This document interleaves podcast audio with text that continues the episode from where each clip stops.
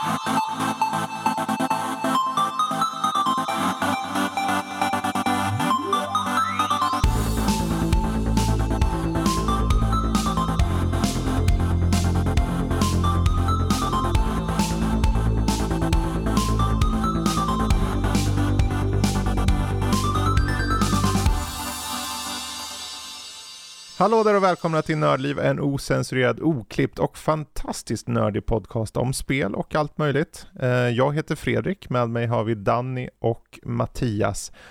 Och eh, det här är avsnitt 342. Indeed. vi spelar in det här.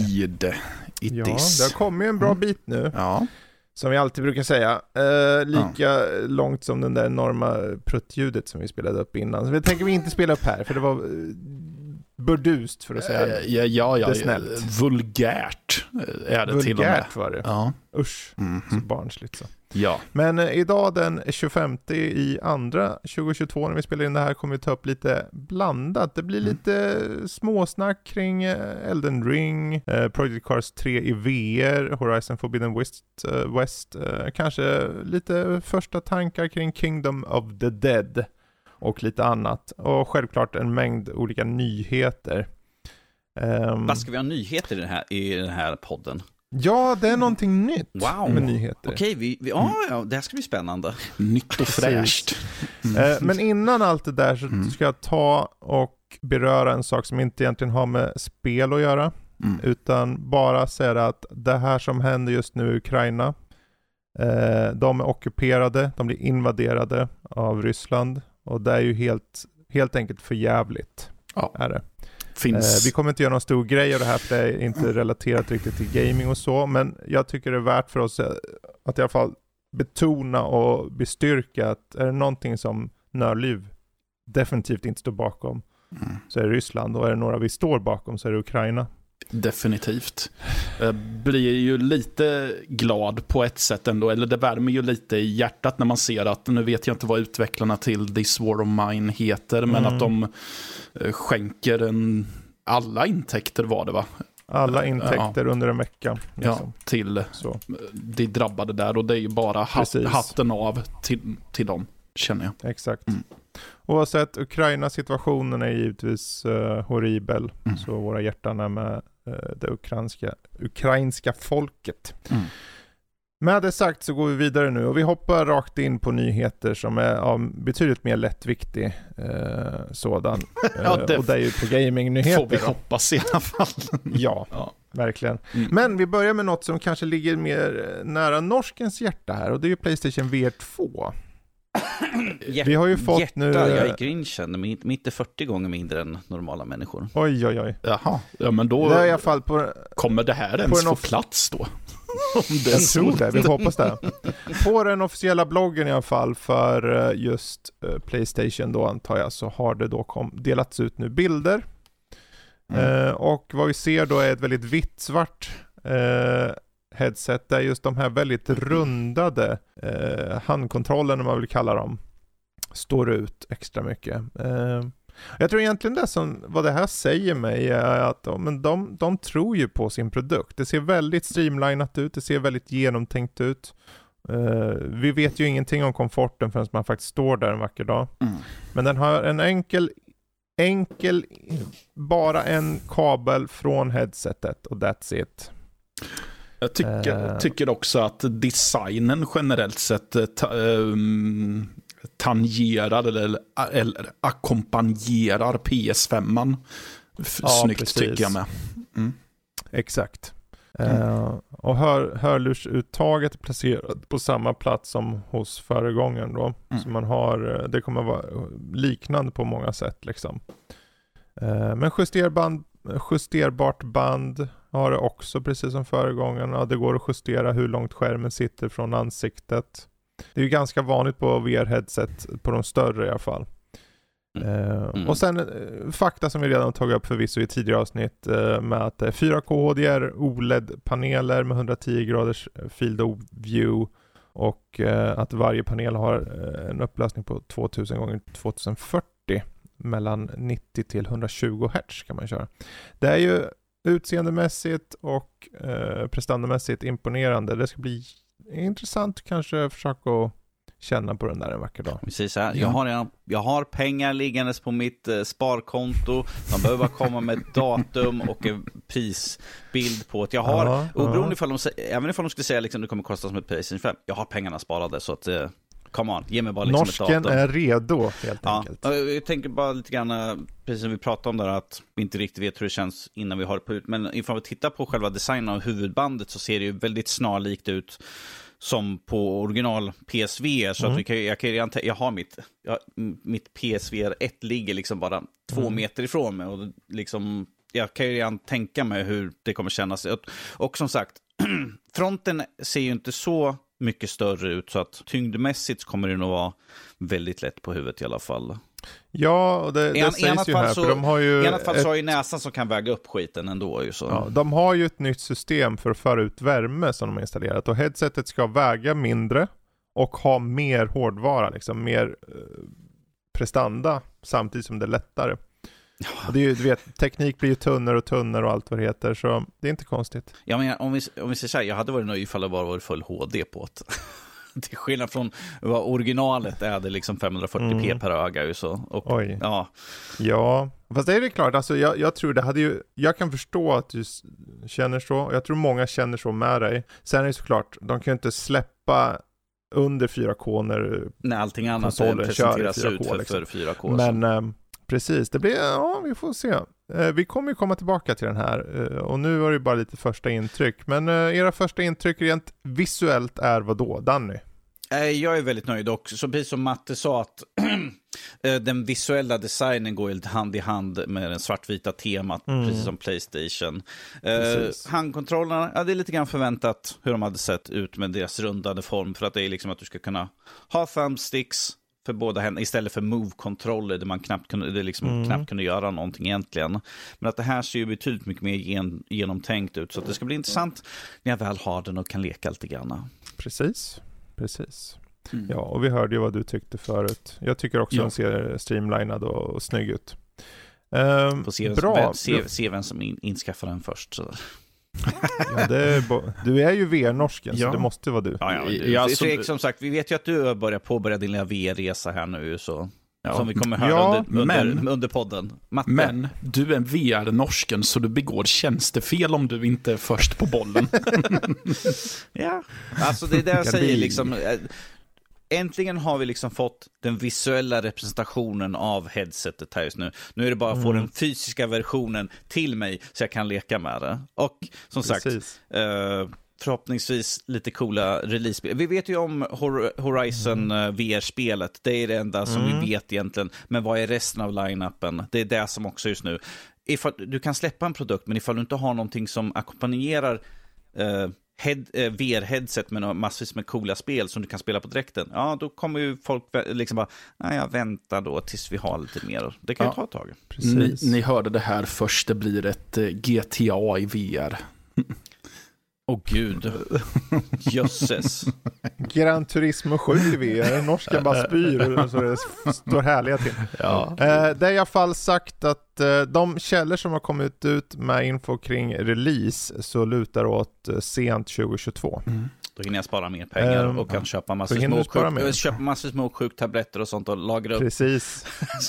Lagra upp åksjuk i tabletter, det behövs. Ett Crash Bandicoot i VR. Nej, just det, det är väl Microsoft nu. Förresten. Mm. Hur som helst, om vi hoppar vidare då så har vi ju egentligen mer en bekräftelse av vad vi sa förra veckan. Eh, det var ju en nedräkning där på Capcoms hemsida och eh, vi gissade att det skulle vara Street Fighter 6 och det visade sig vara det. Mm. Eh, Det finns inget datum för den här, det finns egentligen ingen gameplay eller någonting utan det gavs en teaser. Klassi- Och hur- klassisk Street fighter teaser med liksom animerade där Ryu är liksom och rör ska ta upp och ha ett slagsmål och sånt där. Eh, Precis. två köttberg som ska slå varandra. Och det, det, ena, det ena köttberget har skaffat sig ett skägg. Ja, Ja. precis. Och det finns, jag känner inte det finns så mycket att säga där, utan vi får avvakta och se när det kommer faktiskt mer info, riktig gameplay och datum kanske. Frågan är, är det här något som kommer i år? Det är vad jag jag ställde ju den frågan, eh, jag vet inte om jag gjorde det on air eller om det var innan vi spelade in. Eh, Mm. Om det är något som kommer i år eller om det är något som kommer så småningom. Mm. Eh, något, Ja. något som talar för att det skulle komma i år är att de faktiskt visar upp det nu utan att det är någon annan mässa eller något sånt där. Varför skulle man Ja. annars visa upp den nu här i februari ifall de inte har Ja, planer att kanske ja, släppa den precis. senare i år? Vi lever ju åtminstone i, förvisso i en tid där man utannonserar att utannonseringar ska komma. Så ja, jo. Ja, Men ja, jag, ja. jag, jag tror att det kommer komma senare i år. För I annat fall kunde de ju ha väntat, ifall det inte kommer ihåg så kunde de lika gärna ha väntat till E3 och ha den här Mm. eh, teasern. Precis. Och det, är, för vissa, det kan ju luta mot då ganska mycket att de faktiskt visar upp betydligt mer på E3, att vi får lite mer exakt tid. Sen om det är i slutet på året eh, eller eh, början på nästa, vi får väl se. Mm. Men vi, det är ju så här, vi har väldigt få spel som kommer ut i år, så det vore bra om vi får in något spel Ja, här. gud, alltså jag tar sån, sån Vi kommer tid. komma in på månadens spelsläpp sen för mars, så då kommer vi ta upp lite exempel på vad som faktiskt komma skall och det är bara en månad. ja. Hur som haver, eh, Bethesda, de eh, har kommit ut med info om, att deras launcher, den kommer försvinna. Och eh, spelare kommer helt enkelt kunna eh, migrera sina spel till Steam. Så, Mm. och det, jag har en känsla av att det är lite Microsoft som står bakom det här. De har redan en mängd spel på Steam. Mm. Eh, en väldigt stor mängd faktiskt. Jag menar, du har Halo-spel och allting där. Så en migrering och få det liksom samlat, för de spelar ingen roll riktigt. De kommer inte ta, jag tror att det kommer ta ett tag innan eh, Bethesdas eh, den här, den kommer ju gå sakta men säkert ur tiden, men den kommer inte försvinna på en gång. Jag tror att så. det var i början på mars som man kunde börja migrera. Mm. Jag inte missminna helt fel. Det är ju inte liksom, du måste göra det nu, utan det var i början av mars kan du börja eh, migrera. För, I till- början av april. Ja, sorry, början av april så kan du börja migrera över. Och jag, jag tyckte det var Precis. intressant, för jag såg det här i min mail och jag bara, har jag Bethesda-spel på... Nej, det, är, Mm. det är klart, jag har inte, men det är ju för att jag har ju kopplat på min Xbox, eh, har ju kopplat till Be mina Bethesda-spel. Så det är därför jag bara, Precis. men har jag, jag bara, har jag ens en launcher för på datorn? Så Nu är min dator ganska nyomgjord, så jag har inget sånt installerat. Så jag bara, har jag, några P- har jag recenserat något på PC? Mm. Jag tänker att eftersom att de är under Microsofts paraply så har de väl också möjlighet att ha spelen på Game Pass. De kanske till och med redan Ja. finns där förvisso. Ja, ja, det finns Och ju, det, finns ju spel Och där. det kanske också eh, spelar ut anledningen till, till Mm. varför man ska ha en egen launcher eller Ja, något och sånt. Microsoft har ju inget behov av att ha ytterligare en klient för eh, någonting som, alltså det behövs ju inte bara. Nej. Det är ju så. Eh, Jag kan ju förstå när Bethesda var själva att de vill ha en egen, för då får man samlat, är det våra spel i vår launcher? Jag förstår det. Ja, gud, ja, det köper jag Men fullständigt. nu, nu, nu snart, vi har fram till maj. Eh, Du kommer kunna nå den här Bethesda.net-launchen eh, och spelen du har till, tills maj då. Mm. Eh, och sen någon gång i början på maj så kommer du inte längre kunna spela eller nå dina spel via. Så du har fram till maj. Eh, och det bör också sägas att eh, även när den har gått ner så är ju frågan, okej men behöver jag då ett sånt här Bethesda.net-konto? Jo, den kommer du behöva i alla fall Mm. efter du har gått över till Steam. Men Eh. jag undrar bara en sak. Eh, Ponera att jag har eh, Bethesdas launcher med en eh, myriad av Bethesda-spel på. Som du har. Och, och- ja, och om jag eh, av någon anledning inte gör de här migreringsstegen, får jag då bara sitta och skylla mig själv? Att mitt spel det. Att mitt spel är förlorade, att mina spel då är förlorade ut i eten Mm. i så fall. Ja, det, det, jag kanske svarade på min egna fråga egentligen. Svaret är Eh, största sannolikheten Ja, ja. ja. Jo. Mm. Det är dumt att ens lyfta det. det. Frågan var väl egentligen att gör man inte de här stegen är de då förlorade för alltid? Mm. Eller finns det ett sätt att liksom reclaima det? Jag är som de är så tidigt ute här, eller tidigt ute nu, det är två månader ifrån, men att i alla fall att de har liksom kommit ut med det, de har skickat ut, som sagt, de skickar ut till mig och jag har inte ens något PC-spel, men att de skickar ut till alla deras användare att det här kommer ske. Så ifall man inte har sett eller något sånt där, och det kommer, som sagt, vi pratar om det här och du som lyssnar, ifall inte du har fått sett, varit inne i din mail och sett så vet du om det är nu i alla fall. Eh, Så att det, är ju liksom, det här är ju förebyggande steg, men jag tror att det säkert kommer vara fall när folk har liksom bara, åh oh, shit jag missade det här, liksom, kan, kan vi fixa det? Och de skriver in till kundtjänsten mm. och sånt där. Eh, det, de går har... säkert, det går säkert att fixa ifall någon sån här extremfall mm. och sånt där. Eh, det är ju en FAQ som är länkad här och jag såg mm. ju att de tekniskt sett besvarar det med att nej, nej, nej, alltså du kommer inte förlora tillgängligheten till ditt eh, bibliotek på Bethesda.net, men du kan inte spela dem på våran launcher efter maj. Mm. mm. Exakt. Så. Eh, men eh, just det, för har ni frågor och sånt så är ju rekommendationen att kolla på den här FAQn som Bethesda.net har. Ja. så. Eh, bra, då vet ni det. Ja. Tack för mig, hej då, nu går jag hem. Nej. Sen har vi 2K, de sägs ha fått då licens för att göra Lego-sportspel. Och eh, där kan man ju tycka, men det låter ju, jag vet inte hur kul det kan vara, men det, kan, det är ju kanske en perfekt matchning egentligen. För att dels så har vi ju utvecklaren här som sägs göra först då ett fotbollsspel och det är Sumo Digital. De har bland annat gjort Little Big Planet 3, de har gjort eh, de har gjort lite blandade spel här. Crackdown ja, 3, Hood, Outlaws and Legends. Ja, Hood ja. Det recenserade ju jag. Det var... Ja, det, det var ett spel. Hade kunnat vara bättre. Precis, men de, uh, Little Big Planet är de väl stora för. Uh, trean där. Men... Uh, ja, Crackdown 3 ja. ska vi inte komma och skryta med där, tycker jag inte. Nej, men det är ju frågan, vad, hur bra kan det vara, Montro? Säkert bättre än att EA hade det, för då hade vi haft Lego Fifa med lootboxes deluxe. Mm. Mm. Alltså det här, Svårt, svårt att veta, men jag, jag, tycker det ska bli intressant att se i alla fall. Uh, Legos, ja. När du slänger in ordet lego i allting betyder lekfullhet. Uh, mm. Tillgängligt för alla åldrar egentligen. Du kan vara ung, du kan Precis. vara gammal. Som sagt, jag älskar legospelen. Även fast jag nu är långt över till 40 så älskar jag spelen. Som sagt, jag, jag precis som Fredrik, gamla gubban här, har ju förhandsbokat oss eh, Lego Star Wars och ser fram emot det i alla fall. Men att att du nu får lite sportspel kan ju kanske locka in folk mm. i sportspel, kanske på något sätt. Det kan vara som ingångsport.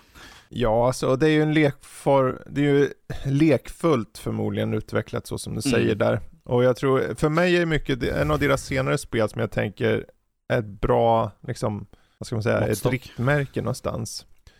Eh, de gjorde ju Sackboy A Big Adventure mm. de gick till liksom att ha lite mer åt plattformshållet och du kan köra själv. Jag tänker, de, där är väldigt, den är så välgjord det här spelet. Det är så välgjort och det är så sött och rart och allting. Och det passar ju perfekt de här utvecklarna då att göra lego. För det blir också kan göra sött och rart. Och vem vet, det roliga här är ju om de får lego-licensen så får de också alla licenser som lego har tillgängligt. Så de skulle i praktiken kunna ha en fotbollsmatch där du slåss med Joker eller sparka fotboll med Jokern och har Harry Potter i motståndarlaget och vad nu mer det finns för karaktärer. Tänk om, liksom. tänk om det visar sig att det här blir en, att de gör en superskräll och gör ett jättevulgärt eh, sportspel med 18 års gräns och grejer.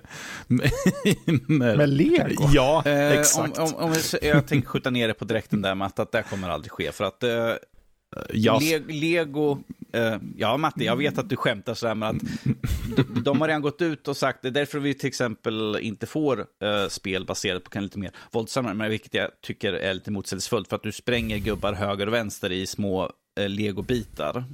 Även fast det, ja, på Travel Tales-spelen. Tra Travel Tales-spelen, så jag tycker det är lite motsägelsefullt. De bara, vi kan inte ha våldsamma spel, det är lego. Mm. De har tagit bort lego-set som de var, var kanske lite så här, oh, det där kan anses våldsamt, så jag, jag tycker det vore kul ifall vi kunde ha lite mer, typ, tänk om de skulle göra typ Call of Duty-lego. ja. ja. Ja. Mm. Eh, oavsett, i sportväg så finns det ju många sporter att leka med och lego kan ju göras till vad som helst. Ja. Så det blir intressant att se. Eh, jag ser fram emot Lego, Lego Dart. På, Ja, de verkar ju rikta in sig på ett fotbollsspel, Sumo mm. Digital, så vi får se om det är första ut mängden. Jag som hade hoppats på den här skotska nationalgrenen caber tossing, eller vad ja. det är. När man kastar stora okay. stockar så långt som ja, möjligt. Den. Fast är lego. Ja. Allt blir bättre i som lego. Sagt, jag, jag tror som sagt varför man har fotboll för att det är ett sånt universal sport liksom. Och jag tror ja. att det är, alla vet vad fotboll är och sen liksom ta det som en ingångssport så får vi se vad som komma skall. Vi har ju som sagt, ja. vi har ju redan sett uh, Forza hade ju deras uh, legobil spel där. Ja, det var en expansion expansionen där. där. Så vi vet redan att det funkar ju, konceptet att liksom bara slänga in Mm. lego i ett redan tidigare, som sagt, For- Forza-spelen där. Fungerar jättebra. Mm. Och vi kan ju se vad det blir för intressant vi får att ta oss an framöver. Ja, eh, hoppa vidare. Mm. Eh, kod, vi var inne på kod lite grann där indirekt. Ja. Men eh, nu är det riktig kod här och det har kommit ut uppgifter då angående just eh, nästa del i serien och det lutar att bli ett uppehåll, ett sabbatsår kan man säga. Mm. Eh, och att Treyarch då kommer först släppa istället 2024. Eh, och det är egentligen då, till viss del är det ju mottagandet av Vanguard, eh, men förmodligen finns det annat bakom kulisserna också. Mm. Vi har ju ett uppenbarligen stort köp här också. Mm? Eh, jag vet att- Köp. Det är ju, och det är ju inte att Microsoft på något sätt har påverkat för, hur det här fungerar, för de får inte ha någon som helst påverkan just nu. De får inte prata med varandra förrän affären egentligen är klar. Eh, I alla fall sett till hur affärer och saker och ting sköts internt då. Men eh, det skulle komma något free to play-spel under 2023 och det är väl antagligen då, och, och även nytt innehåll till Warzone 2 och så. Ja. Men eh, that's it. Och jag tror, det, jag tror att det är bra. De behöver få lite väntetid. De behöver fundera lite på det här med spelserien och försöka vara lite fräscha och få, få det här intervallet ungefär som Assassin gjorde. Mm. Precis, jag tänkte just ta upp det precis, att vi ser ju liksom hur det gick när Assassin gick ifrån årliga releasen. För att vi såg ju liksom Mm. hur spelserien hade börjat mattats ut där på slutet. Att det var liksom, ja men vi, vad ska vi ha nu? Ja men vi tar samma karaktär, vi tar och bara flyttar några år. Call of Duty kanske behöver lite tid att andas. Vi har ju sett liksom, både gått för Call of Duty, och vi såg för Battlefield-serien hur det har gått i Mm. år. Och serier som kommer årligen kan, kan, inte gå, kan inte gå bra i det långa loppet egentligen. Det blir liksom samma kaka år in och år ut med en liten variation. Jag tycker det är bra att de tar och kanske tar och ger några extra år och kanske ger dem lite mer tid att arbeta på. De kanske tänker ut lite nya saker, gör något nytt. Tänk, Matte? tänk vilken skräll det skulle vara. Nej, nu kommer du på det här. Nej, nej. ja, det Nej, okej, hade ju också okej. varit eh, intressant. eh, Jag tror du skulle dra samma sak som du drog för Lego förut. Ja, nej, nej, Då var nej, det så nej, kul. nej. Snälla, gå. Eh, Tänk vad kul. eh, Ja, okej. Nej, jag tänkte, tänk om de lägger ner serien. Ja. Det tror jag ju inte gör att de inte. gör. Nej, det vet jag. Nej, men då så. Då hoppas jag ju på att vi får ett eh, Call of Duty med Linda Lovelace i eh, Nej, men gud, huvudrollen. ja. Oh dear. ja. Det är ju också så här, tänker jag, om jag får spekulera lite. Ja, absolut. Jag gjorde det nu. Så. Ja, precis. Nej men eh, vi har ju den här stundande affären och jag tänker att Bobby Kotick, jag tror inte han bryr sig så mycket längre. Nej. Han, han, det är ju redan på pappret, alltså den här affären kommer ju gå igenom. För förut har det så här, vi ska få ut allting, få ut det bara. Men jag har en känsla av att, för i och med att de stuvade om i företaget nu senaste halvår, året, innan ens det här uppköpet har blivit av, Mm. i och med alla, allt skit som har hänt där. Så finns det ju ny management på vissa delar. Och jag tänker det, det är ju ett, bra beslut att kanske avvakta internt och säga okej men hur, hur gör vi nu? Ska vi ta avvakta med det här? För då om vi avvaktar till efter för 2023, alltså COD-spel brukar släppas på hösten. Mm. Och affären ska gå igenom sommaren 2023. Eh, ja, precis. Efter Så- fysikaliska året skulle det vara, eller något sånt där. Det ska vara juni 2023 har jag för mig. De hade, de hade en månad. Det är inte ens fysik fiskala året här utan det var en specifik ja, alltså, månad. de har en efter, efter, deadline. efter fysikaliska året. Slut var det. Det fiskala. Fiskala. året, ja. Precis. Ja. Ehm, så jag tänkte, det kan ju finnas en intern strategi hos Activision där de tänker att om, om vi kan avvakta så kan vi dels få tid till att liksom se, okej vad vill vi göra för något spel? Mm. Vad vill vi göra? Men också att de kan få mer backup om den här affären går igenom som den ska då. Troligtvis gör den det Mm. eh, ju, nästa sommar. Och sen så, visst, vid det här laget ska ju spelet vara nästan klart. Men Microsoft, de har ju en bra strategi överlag när de kommer in och tar över att okej, vi vill ha de här sakerna. Vi vet vad som funkar. Vi vill föra in spel X in i det och den, den tjänsten. Om de kan komma in till sommaren när affären blir klar och säga okej, vi, eh, vi känner att den här då kan gå rakt in i Game Pass samtidigt. För de har ju sagt att alla, alla de här kommande spelen ska komma på multiplattform, men de har inte sagt något om att det inte på Xbox kan gå rakt ut på Game Pass. Mm. Och det vore konstigt om det inte går ut på, på, på ja. Game Pass, för att alla deras Så om spel de, gör ju det. Om nu Activision kan avvakta och sen få spelet att släppas på Game Pass efter eh, de har tagits upp i eh, Microsoft nästa år. Det kanske bara gynnar dem egentligen. Ja, alltså ifall affären går igenom, vilket vi tror, jag ser, jag ser inte så mycket mm. som talar emot egentligen, det, det här med att de ska bli en uh, dominans är ju är ju osant egentligen på många sätt och vis.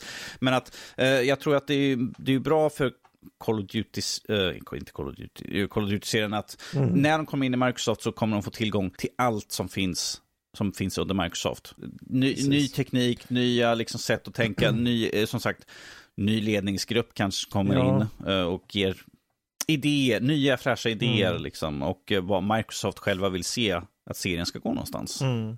Ja, och jag tror också, i och med att om man skjuter på det här, för säg att de skulle släppa ett i år, då måste de påbörja ett nytt spel som ska släppas nästa år. Yes. Men om då, de kan skjuta på det till hösten 2023 exempelvis. Ja. Så att, eh, för Microsoft, även om de kommer in sommaren så kan de ju inte säga men nu ska ni göra en, ändra om spelet. Det kommer ju släppas några månader senare. Men då är de med på bollen inför spelet därefter mm. istället. Eh, ja, för i det här läget så missar de ju, eh, då hade de ju, annars om de släpper i år, då hade de ju missat två spel i praktiken mm. egentligen och vara med och Så jag tror, nu, det här är bara jag som tänker högt så. Men eh, jag kan tänka mig att det finns, det, det är smart på många sätt att avvakta.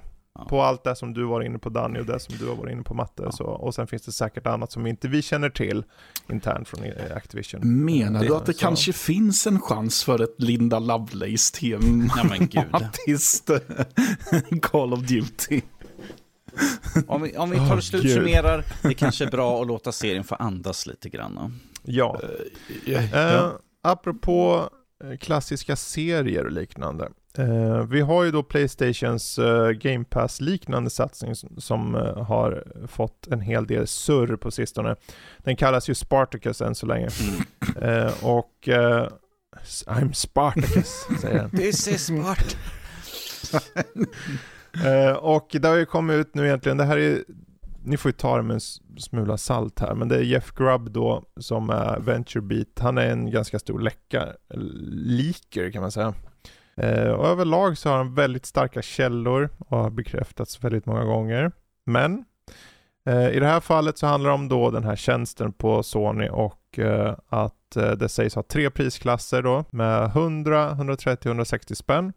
Men att då den här högsta klassen påstås det då, som är en premiumtjänst, det är där du får tillgång till full, inte ens fulla titlar utan snarare fulla eh, speltester. Ungefär som EA Play har som 10 timmars tester. Mm.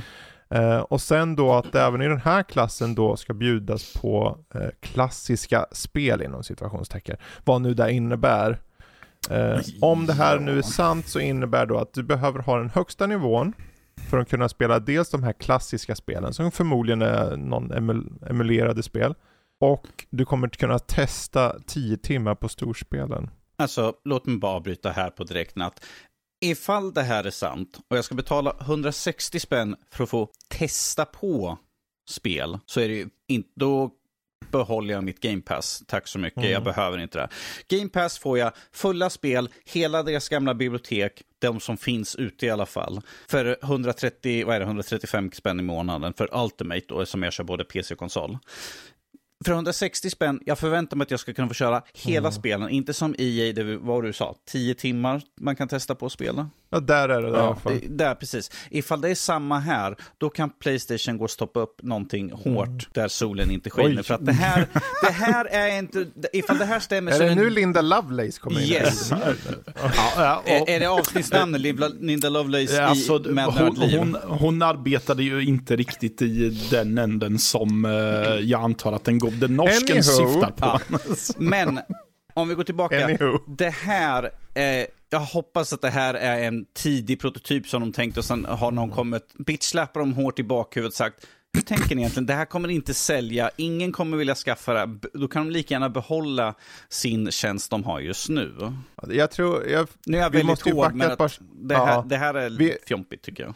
det finns ju mer detaljer som inte jag hunnit läst upp här Ja. än. Och det är ju då att det inte behöver vara så för varje spel, Mm. utan att det kan vara för vissa utvalda spel.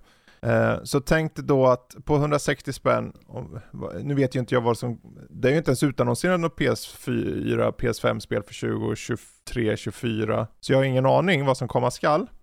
Men de eventuella storspel då som kan tänkas komma, säg att du har fem spel som släpps 2023 då. Ja. Och eh, tre av dem får du 10 timmar på. Och sen så tillsammans med det så har du kanske ett collage av PS1, PS2, PS3 titlar och PS4 titlar. Eh, så jag tror att vad de har att arbeta på då är att du har väldigt kända titlar. För allting nytt är ju det som potentiellt vissa är speltid så här begränsad på. Yes. Men allt annat är gratis. Och med. Och- Så frågan är, okej om du inte har kört de här gamla spelen, eller PS2 eller vad fan det nu må vara, då kanske 160 spänn inte är så farligt längre. Ja, men problemet är att folk kommer inte köpa den här tjänsten för de gamla spelen. Ifall de inte är typ som mig, i, Mm. i våran ålder Fredrik då, som kanske liksom, jag vill ha lite nostalgi. Men för 160 spänn förväntar jag mig, eftersom jag har Game Pass, så förväntar jag mig att jag ska kunna köra igenom de nya spelen på dag ett. Att jag ska kunna få spela från Men början här till är, slut. det är ju här vi måste di- differentiera ut saker för att du utgår ifrån dig och utgår ifrån en Xbox-spelare. Ja, Ta, ta 100 miljoner människor som bara kör Playstation. Precis Ja. det som jag har suttit och tänkt på också. Att en Ja. del har ju bara Playstation och de har ju inte en... Som jag kom in på Känns det PS4. Jag har Mm. aldrig kört, jag körde aldrig något PS1, PS2 eller PS3-spel egentligen. Och jag tänker, okej om jag kommer åt de här och kan köra dem lätt, det kan ju vara intressant. Jag skulle inte säga att, jag, att det är något för mig, men jag kan tänka mig att kanske folk tänker så. Men i slutändan handlar det om biblioteket. Och det handlar framförallt om, för vi vet att även om Game Pass mycket riktigt har ett väldigt bra eh, sortiment, så har de inte titlarna som Sony har. Och vi, Xbox kan ju ha vad som helst. Men titlarna, om de säger att, få, ta Horizon, säg att Horizon 3 släpps Mm. framöver och God of War 3. Och en av dem går att köra hur mycket du vill. Bara en av dem räcker. För om du betalar 160 spänn i två månader, då har du redan sparat in de pengarna, eller hur? men om vi säger, om vi, 800 om vi säger så här. så. Minimum som jag anser att alla Mm. Classic med nu kaninöron, vad nu det än betyder i, Mm. i Playstation, borde vara minimum ge- grej, eh, minimumpriset, alltså 100 kronor. Mm. För 100 spänn då ska jag få tillgång till deras Classic Library. Och sen på Premium kan vara, som du sa, kanske Horizon 3, att jag kan köra igenom det på Day One. och en, andra kanske mellanstora titlar är liksom att jag får de här 10 timmar kanske på. Men att eftersom jag kör både konsol, PC och Playstation så ser jag det här att ifall inte jag får samma värde som jag får på ett Game Pass, varför, varför ska jag ha det här då? Då kan jag lika gärna vänta in liksom och kanske köpa ett spel Absolut. begagnat i så fall. Mm. För att, Ja, och det är ju, i slutändan så handlar det mycket om, än en gång, eh, biblioteket. Mm. Och jag, jag tar ju upp det här som en djävulens advokat jag här. vet. Men jag, det, är därför, det är Eh. därför jag tog och slängde ut att minimum, alltså classic titel, borde Mm. vara minimum eh, pristieren då. 100 kronor, Mm. då får tillgång till deras back, backlog-biblioteket för att det är gamla spel som inte säljs och eh, som de, vi hade ju det här hubbuben när de skulle stänga ner eh, Playstation eh, 3-butiken och allt sånt där ju. Så jag tycker Mm. jag liksom att, fine, ifall jag kan få till, tillgång till det här för 100 kronor i månaden. Det kan jag väl ta, eftersom jag har kört väldigt många av de gamla spelen som kanske vill testa på dem Precis. igen. Men att när vi kommer på de högre tiers så vill jag ha lite Mm. jämnbördigt med Game Pass. Du vill ha Ja. lite pang för peng helt Jag vill ha enkelt. pang för pengar. Mm. Speciellt nu när ifall de här prisen, eh, priserna stämmer. 160 spänn är lite mer Mm. än Game Pass och det känns som att jag får mindre. För att vi, Ja. Ja, allt det här hänger ju på att det är speltester på 10 Ja. timmar. men som sagt, det vi har just nu är ju bara Mm. Spekul- Det här är ju bara spekulativa taget- saker som en läcka har fått ut här nu. Ja. Visst, han har en bra track record, men att vi har inte de findetaljerna som säger exakt vad vi får. För han, som, som han säger själv, Och- att han, han vet inte vad de, vad de menar med Och dessutom titlar är det så här att någonstans, för att de ska kunna lansera det här Mm. ens, så måste, och det här har vi ju pratat om redan, för att de ska kunna lansera det här mot en publik där de vill få in nya personer. Ja. De vill få in fler människor. Och då framförallt syftar jag på alla Xbox Game Pass-spelare där Mm. ute. För att få in dem så behöver du ju ha den nivån som man är van vid. Jag håller med om det. Eh, och de vet det tror jag. Så frågan är vad, det som har läckt ut är just de här tre sakerna just nu. Det är dels ett par prisnivåer, dels det här fulla speltester på vissa titlar och dels att du får Classic Games, vad nu tusan det innebär. Jag, jag tycker det är kul att vi har inom kaniner fulla speltest, för vi vet inte exakt vad som... eh, Nej, det egentligen. kan vara 20 timmar, det kan vara en timme, det kan vara en, del, halvtimme. en del spelar du klart på under 20 timmar, så Precis, till och med under 10 timmar. ju, Eh, så. Eh, exakt. Men som sagt, det här är ju fortfarande väldigt tid. Det här är inte ett officiellt uttalande. Vi fick som sagt, Ja. nu fick vi precis... Jag ska bara avsluta Yes. det jag höll på att prata om där. Mm. Ehm, de här tre sakerna är ju uppenbarligen inte allt Nej. som de kommer komma ut med. För är det allt så är det dött, tror jag. Jag hoppas och jag tror att de kommer baka in, eh, det, Playstation Now är ju med i den här, Mm. varpå det står att det är streaming med. De kommer förhoppningsvis baka in även Playstation Plus i den. Vilket jag tror är väldigt sannolikt. Ja. Och du får tillgång till ett stort bibliotek med spel som du kan ladda ner eller köra streamat. Eh, och man kan ju, det, det, någonstans är det också, det blir lite äpplen och päron också. Vi kan sitta och jämföra med Game Pass. Mm. Det är ju, eh, Game Pass är ingen streamingtjänst i det stora. På det stora så säger man att du laddar ner. De har sin X-Cloud. Men det är inte där de profilerar sig mest på. Eh, förut så profilerar sig ju Playstation, Playstation Now var ju det stora, att de profilerar sig som en streamingtjänst. Men nu om de laddar ner, okej, hur påverkar det just synen på tjänsten? Jag tror de, de, de behöver, de måste ha någonting nytt att komma med här. Mm. Har de inte det så tror jag det är kört för dem Verkligen. från start. Liksom. Mm. Eh, och då kan, och där, där, jag tror att det som har läckt här, om det nu, och det, även om det här har läckt och det är sant, så betyder det inte att de tre månader att de väljer att göra om, för de, det här är ju arbete under, det är ju en process Mm. som allting. Ja. Så att de kanske, en, säg att de ändrar till lä- högsta, säg att premium är 100 spänn då. Mm. Eller 130, att det är samma nivå. För ärligt talat, det är ju bra för oss att säga så här, ja, men eh, jag vill ha alla spel från start, jag vill ju det. Men de vet ju att deras spel är mycket mer värda egentligen. För de kan sälja, de kan släppas, jag tror faktiskt att de utan problem kan ha fulla speltester och kommer locka in folk och testa spelen och tänka, ja men Horizon Forbidden East, eh, ja, alltså det här är ju skitbra, jag köper det de vet att folk kommer köpa de här och på ett sätt, om du låter dem få hela spelen, då tappar de ju den marknaden. Uh, ja, precis, om vi säger så här att Microsoft har ju Microsoft har ju betydligt mycket mer pengar så att ifall de tar det pris, som sagt, för det vi får från Game Pass eh, och de, de uppköpen de gör, de- den lilla summan vi betalar är ju liksom ingenting egentligen för Microsoft Microsoft-koncernen då, så mycket pengar som de har. Medan Sony är ju betydligt mycket mindre ju. De har inte lika mycket pengar att slänga runt. Så att, men det de har är basen av spelare. Hu- 100 miljoner plus.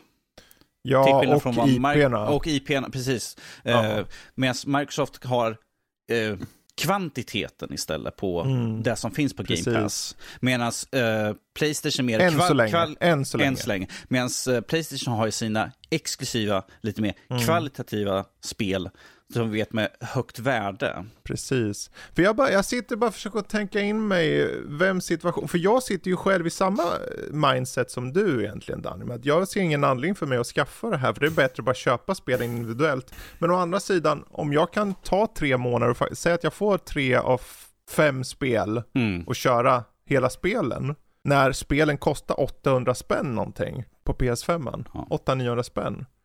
Alltså om jag betalar 160 gånger 3 då är det ju fullt värt tre spel. Det är ju 1602 och 3 liksom. Eh, Då är det, det är ju allting handlar om vad exakt är man får med. Det är där vi måste veta liksom. För, Eh. för mig, ifall den här tjänsten, ja, för mig så skulle jag nöja mig med eh, den lägsta. För att få tillgång till PS1, PS2.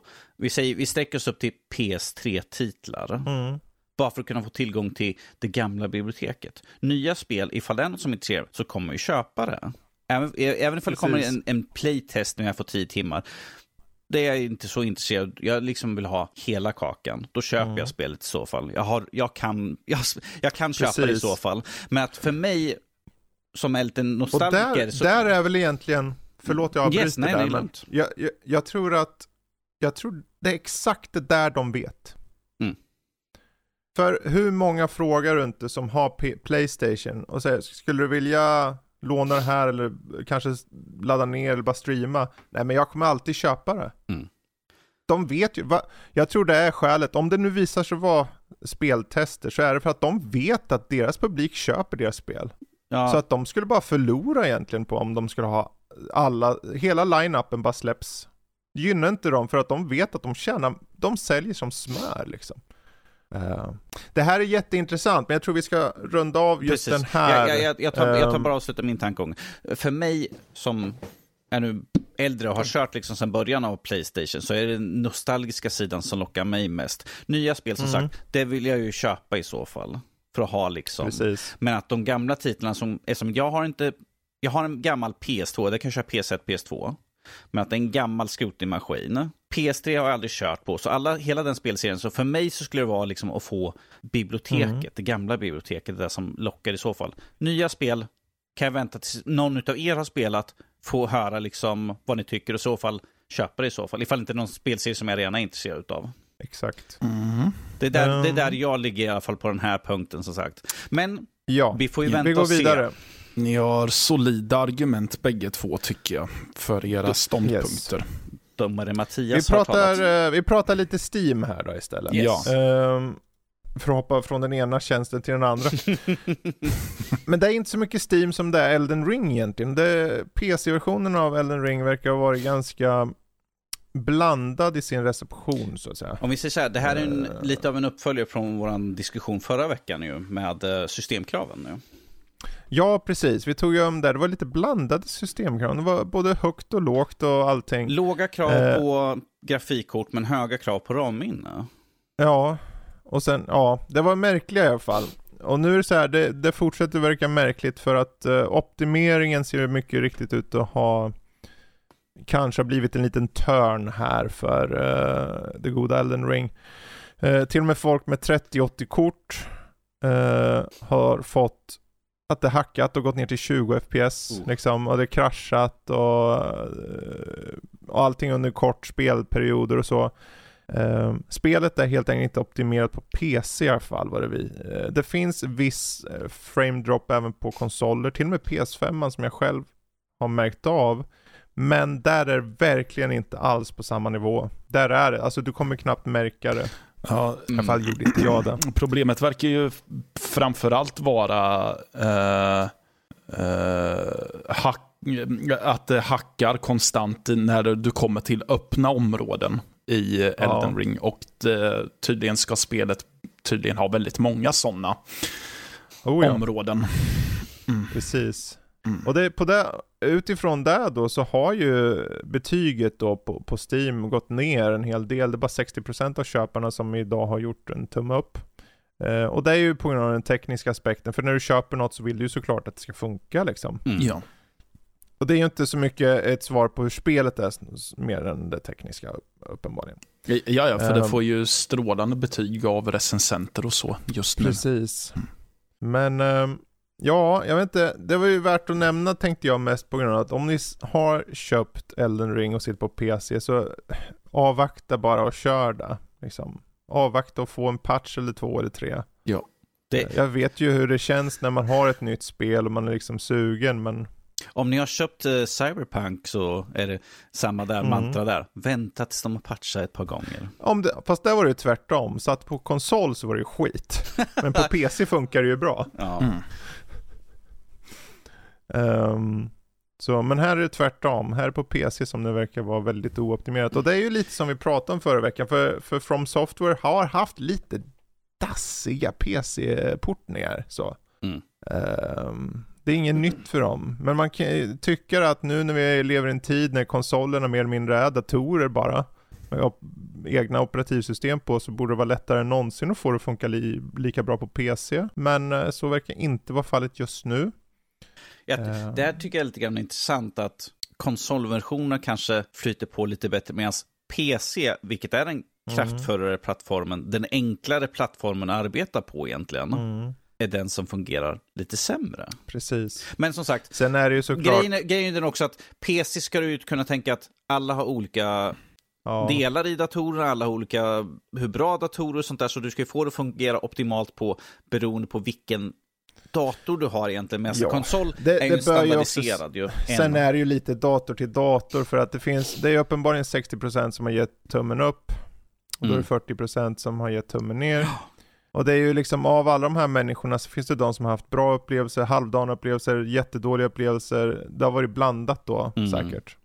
Eh, men det är ju det är ju bara att avvakta och få de där patcharna, det är ju inget mer än så. Men uh, än en gång, alltså, har ni köpt det så är mitt råd bara avvakta ett tag, få ett par patchar. Eh, jag, jag tänker hoppa tillbaka där vi nämnde det här, när vi pratade lite grann innan, när vi sitter och går igenom att det här är lite grann av en, en den nya standarden som vi har haft i tio år, att ett spel släpps, oftast lite trasigt, och måste ha en day one patch eh, och flera uppdateringar efteråt innan den blir, så att säga, optimal eller det bästa möjliga. Men att det är en standard, mm. som sagt, jag tog upp det här i min Horizon Forbidden West-recension, att visst, jag hade pop-ins av lite, lite karaktär, en karaktär som poppade in och liksom tre meter ovanför marken, trillade, trillade ner till sin plats där han skulle stå. Eh, lite, eh, vad heter det, eh, distance kanske ibland var lite om att jag rörde mig fram, så poppar upp en buske mm. liksom framför mig. Men det är liksom, det, det är där jag är van att det ska vara just nu. Visst, det var inte så illa ställt som andra spel. Jag tog upp där att eh, jag gav ett ont öga till Assassin's Creed Unity där de släppte det där karaktärsmodellerna hade liksom, såg ut som ett russin och ögonen flöt tre meter utanför huvudet. Det är inte den så illa, men att det är så små saker, men att spel släpps ofullständiga egentligen och vi behöver de här patcherna efteråt. Men som sagt, alla sitter uppkopplade ja. hela tiden, men att så här illa ska det inte vara där du liksom där optimeringen, som är en av saker som man tycker man borde prioritera, att spelet släpps och att det flyter på bra, att du har pop-in och sånt där, det är ju helt okej. Okay. Men att när spel typ går ner i 20 FPS och är, ibland på områden kanske blir ospelbara, då kanske Exakt. man inte borde ha släppt det. Nej. I det Precis. tillståndet. Eller haft en riktig fet patch ja. redo för day one där. Jag, jag, tror att mycket som du var inne på förut, att många använder sitt på olika riggar. Jag, mm. de, har ju, de har ju med all säkerhet testat det här på riggar liknande en 3080 och fått det att funka utan problem. Ja. Men att hos den där specifika användaren, just där med den datorn och den konfigen så vart det jättedåligt bara. Ja. Men det är ju, om ni har några tips här innan vi går vidare är, om ni har på PC-version, antingen avvakta. Ni kan annars gå in i inställningen och stänga ner eller dra ner på Depth of Field, Motion Blur, Volumetric Quality, Global in, uh, Illumination Quality och Grass Quality så kommer ni med all säkerhet kunna få det att funka mycket bättre. Ja. Litet snabbt tips där. Bort, Men jag hoppar vidare. De mer, mer krävande sakerna som poppar in. Precis. Eh, en snabbis här. Eh, just nu så är det försiggår lite snack mellan Microsoft och Obsidian. Mm. Uh, det är bara lätt snack. Vi ska inte läsa in för mycket det, mer än att det, det skulle kunna innebära en uppföljare nämligen. Det vill säga att de kan, det vill säga de kan praktiskt taget ha gått förbi varandra i, i kafferummet och sagt nej men tjenare det var länge sedan, är allt bra eller ja men härligt, hej då.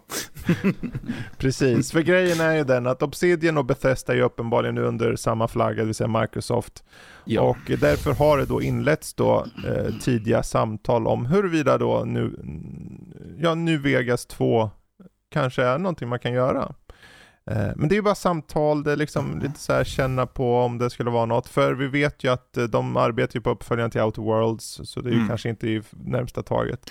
Nej. Men att leka med tanken är ju inte... Nej, alltså New Vegas är ju... Alltså när, det, när vi snackar första persons Fallout så är det väl ändå det starkaste spelet, tycker jag. Ja. Och många med mig antar jag. Är inte det 76?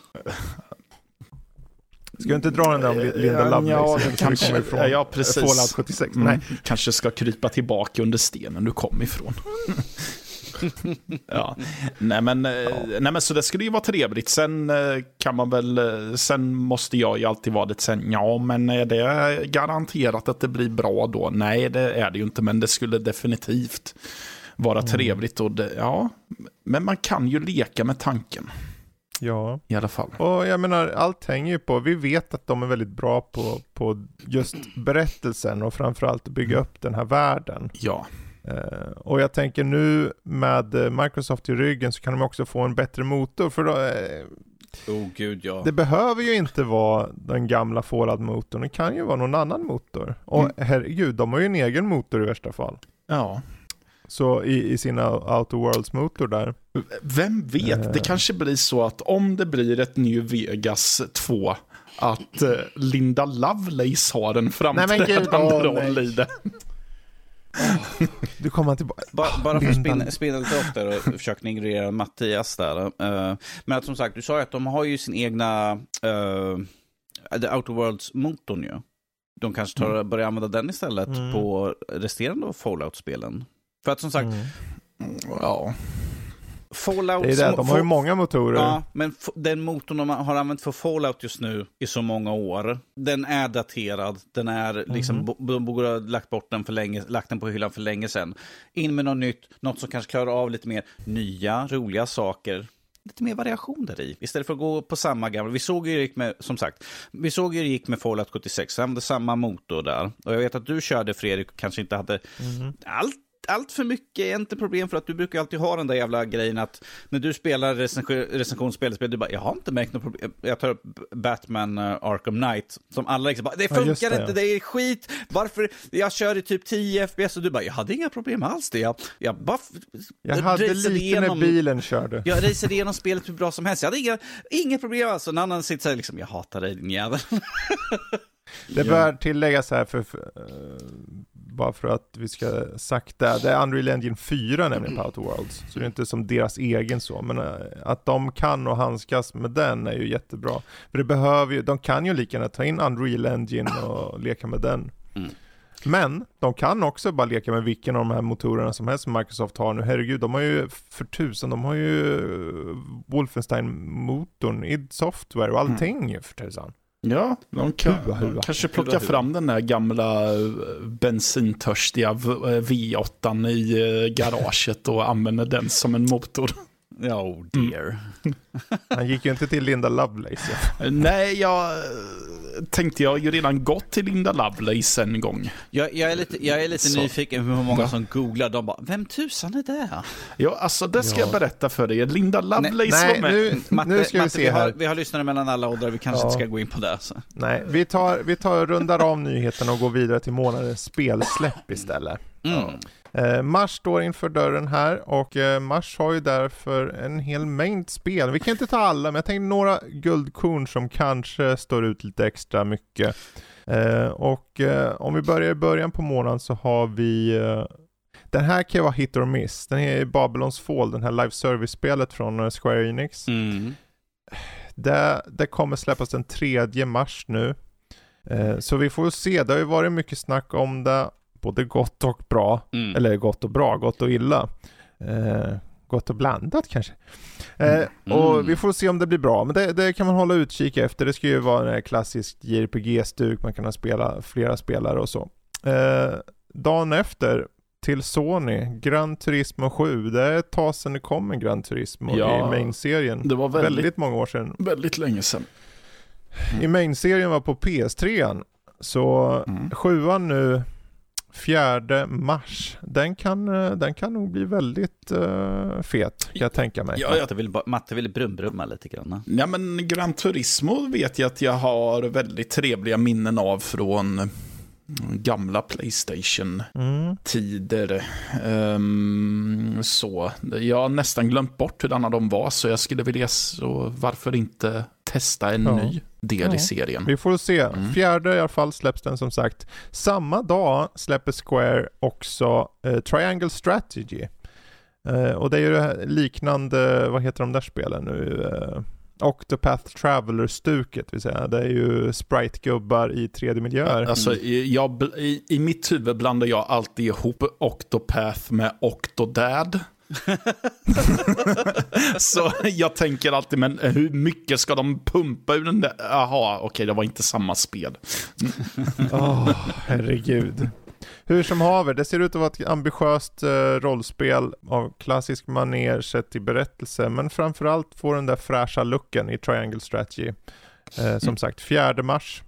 Eh, och sen då längre fram, eh, ungefär en vecka senare, har vi mer från Nintendo och Chocobo GP kommer. Så vi har en kartracer i eh, Final Fantasy-stuk kan man säga. Okay. Eh, och den, den kan vara värd att hålla koll efter om man gillar sånt liksom. -huh. Tionde. Eh, alla små, eh, antingen är man gammelgubbe eller så är man bara strateginörd i allmänhet. Och du är både släpps, mm. Ja. The Settlers släpps den 17 mars efter att ha blivit försenad ett gäng gånger från Ubisoft.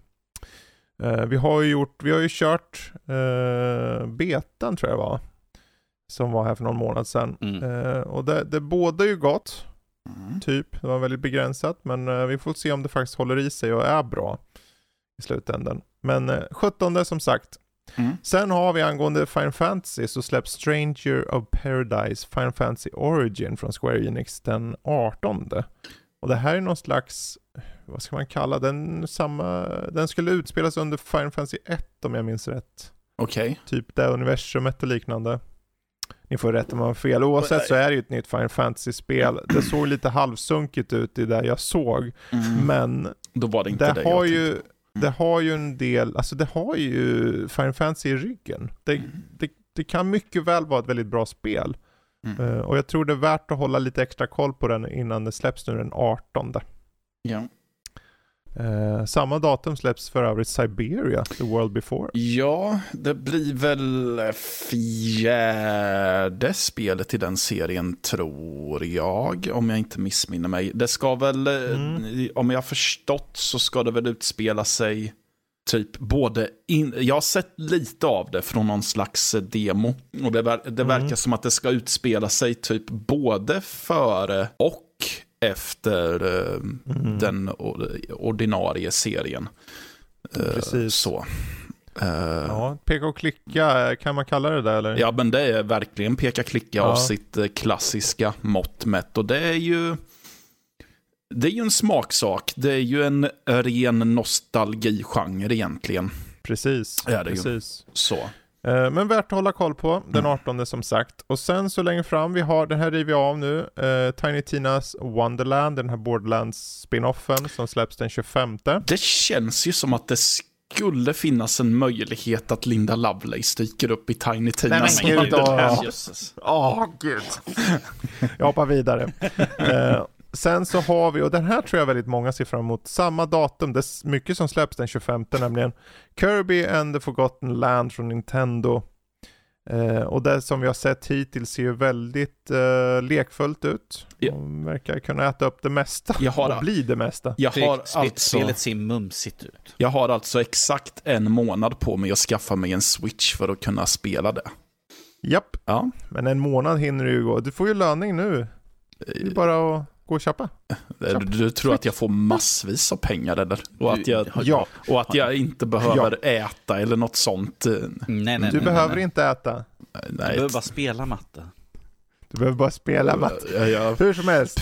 Fan vad tragiskt. Samma datum. Sumpa alla mina eh, alla mina ekonomiska tillgångar bara för att spela som en rosa klump som mums, mumsar saker. Inte nog med det, om du köpte switchen nu måste du ändå vänta en månad. Ja, ja exakt. Så jag, jag, går och är hungrig en hel månad för, bara för att spela som en rosa klump som äter ja. saker. Ja. ja. Största eh, ironin eh, där. Vi också kan eh, se fram emot då samma datum är Ghostwire Tokyo som släpps då från Bethesda. Ja, jag, eh, jag är lite, jag ser fram emot det. Jag tycker faktiskt att det ser mm. genuint intressant ut. Det ser, eh, nu när de äntligen visar lite riktig gameplay så såg mm. det väldigt intressant ut. Mm. Uh, och den kommer släppas PC och Playstation. Uh, så det är ju värt att hålla koll på det om man gillar, jag vet inte vad man kallar första persons uh, fantasy-skräck skräck. Ja, ja, skräck är väl lite grann att men att det är action mer. Ja, men det... Med, med, med som sagt fantasy Jag och... tänker för eh, gemene man så kommer det nog vara skräck. Jo, jo, jo.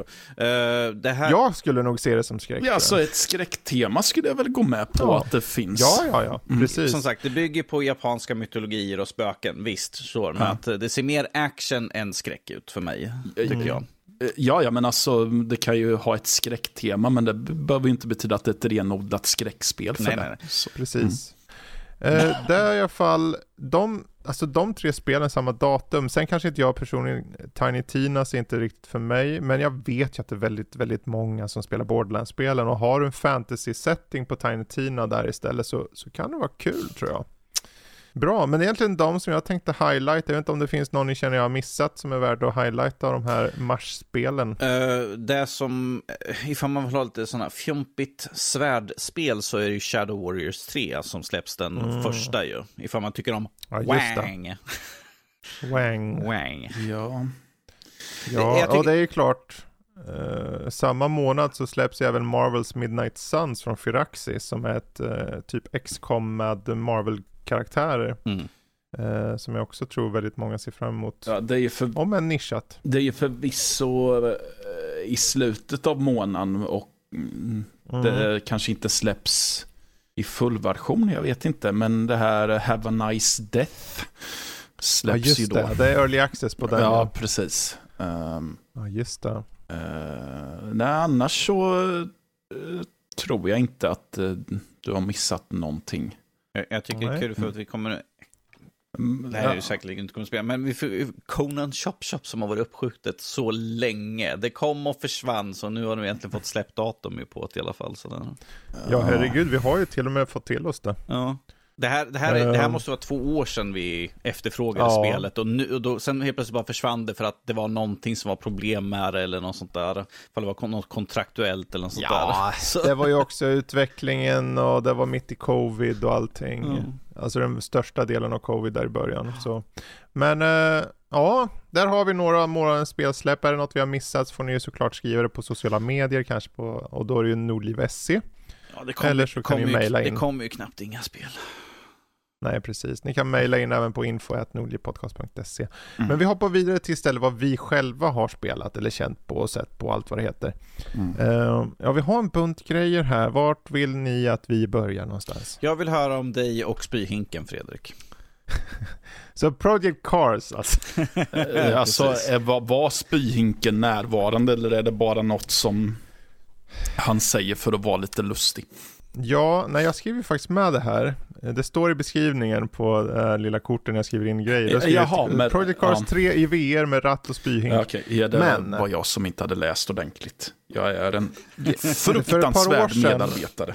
För ett par år sedan så körde jag eh, Dirt Rally på Max eh, VR. Och hade han en HTC Vive. Jag körde typ en 10-15 sekunder och sen var jag tvungen att ligga ner resten av den veckan. Ehm, alltså det var helt sjukt. Nu körde jag flera omgångar i, alltså det var en stor skillnad till att börja med. Eh, väldigt stor skillnad att spela spelet. Dels var det VR, men sen hade jag också ratt då. Mm. Jag har en sån här Logitech-ratt som jag tänkte, Ja. jag testar att plugga in den nu. Eh, det var lite disconnect, för du, du kan ju byta vy såklart. Så en vy är när du ser gubben, du vet man ser från hans huvud, du ser han, underkroppen Ja. och armarna som håller liksom ratten och så. Ja, Det funkar inte bara för mig. nej. För att då var det så här, jag rör ju mig, vänta varför? Och han, han växlar åt det och allting Mm. sådär. Med, med, så det blir så märkligt. Eh, så jag satt där och flippade mellan olika vyer och till slut hittade jag en, du vet en vy när man ser som framför bilen, man ser inte fronten eller någonting, man ser bara marken framför Ja, bilen. Liksom. Mm. Och jag tog den, men jag hade inte ställt in VRen exakt. Så att det var som att jag körde det i go-kart-nivå. Det var för lågt, jättenära marken. Ja. Eh, och trots det så körde jag två eller tre omgångar, alltså från start till stopp och, och så. Och kände, och det funkade bra.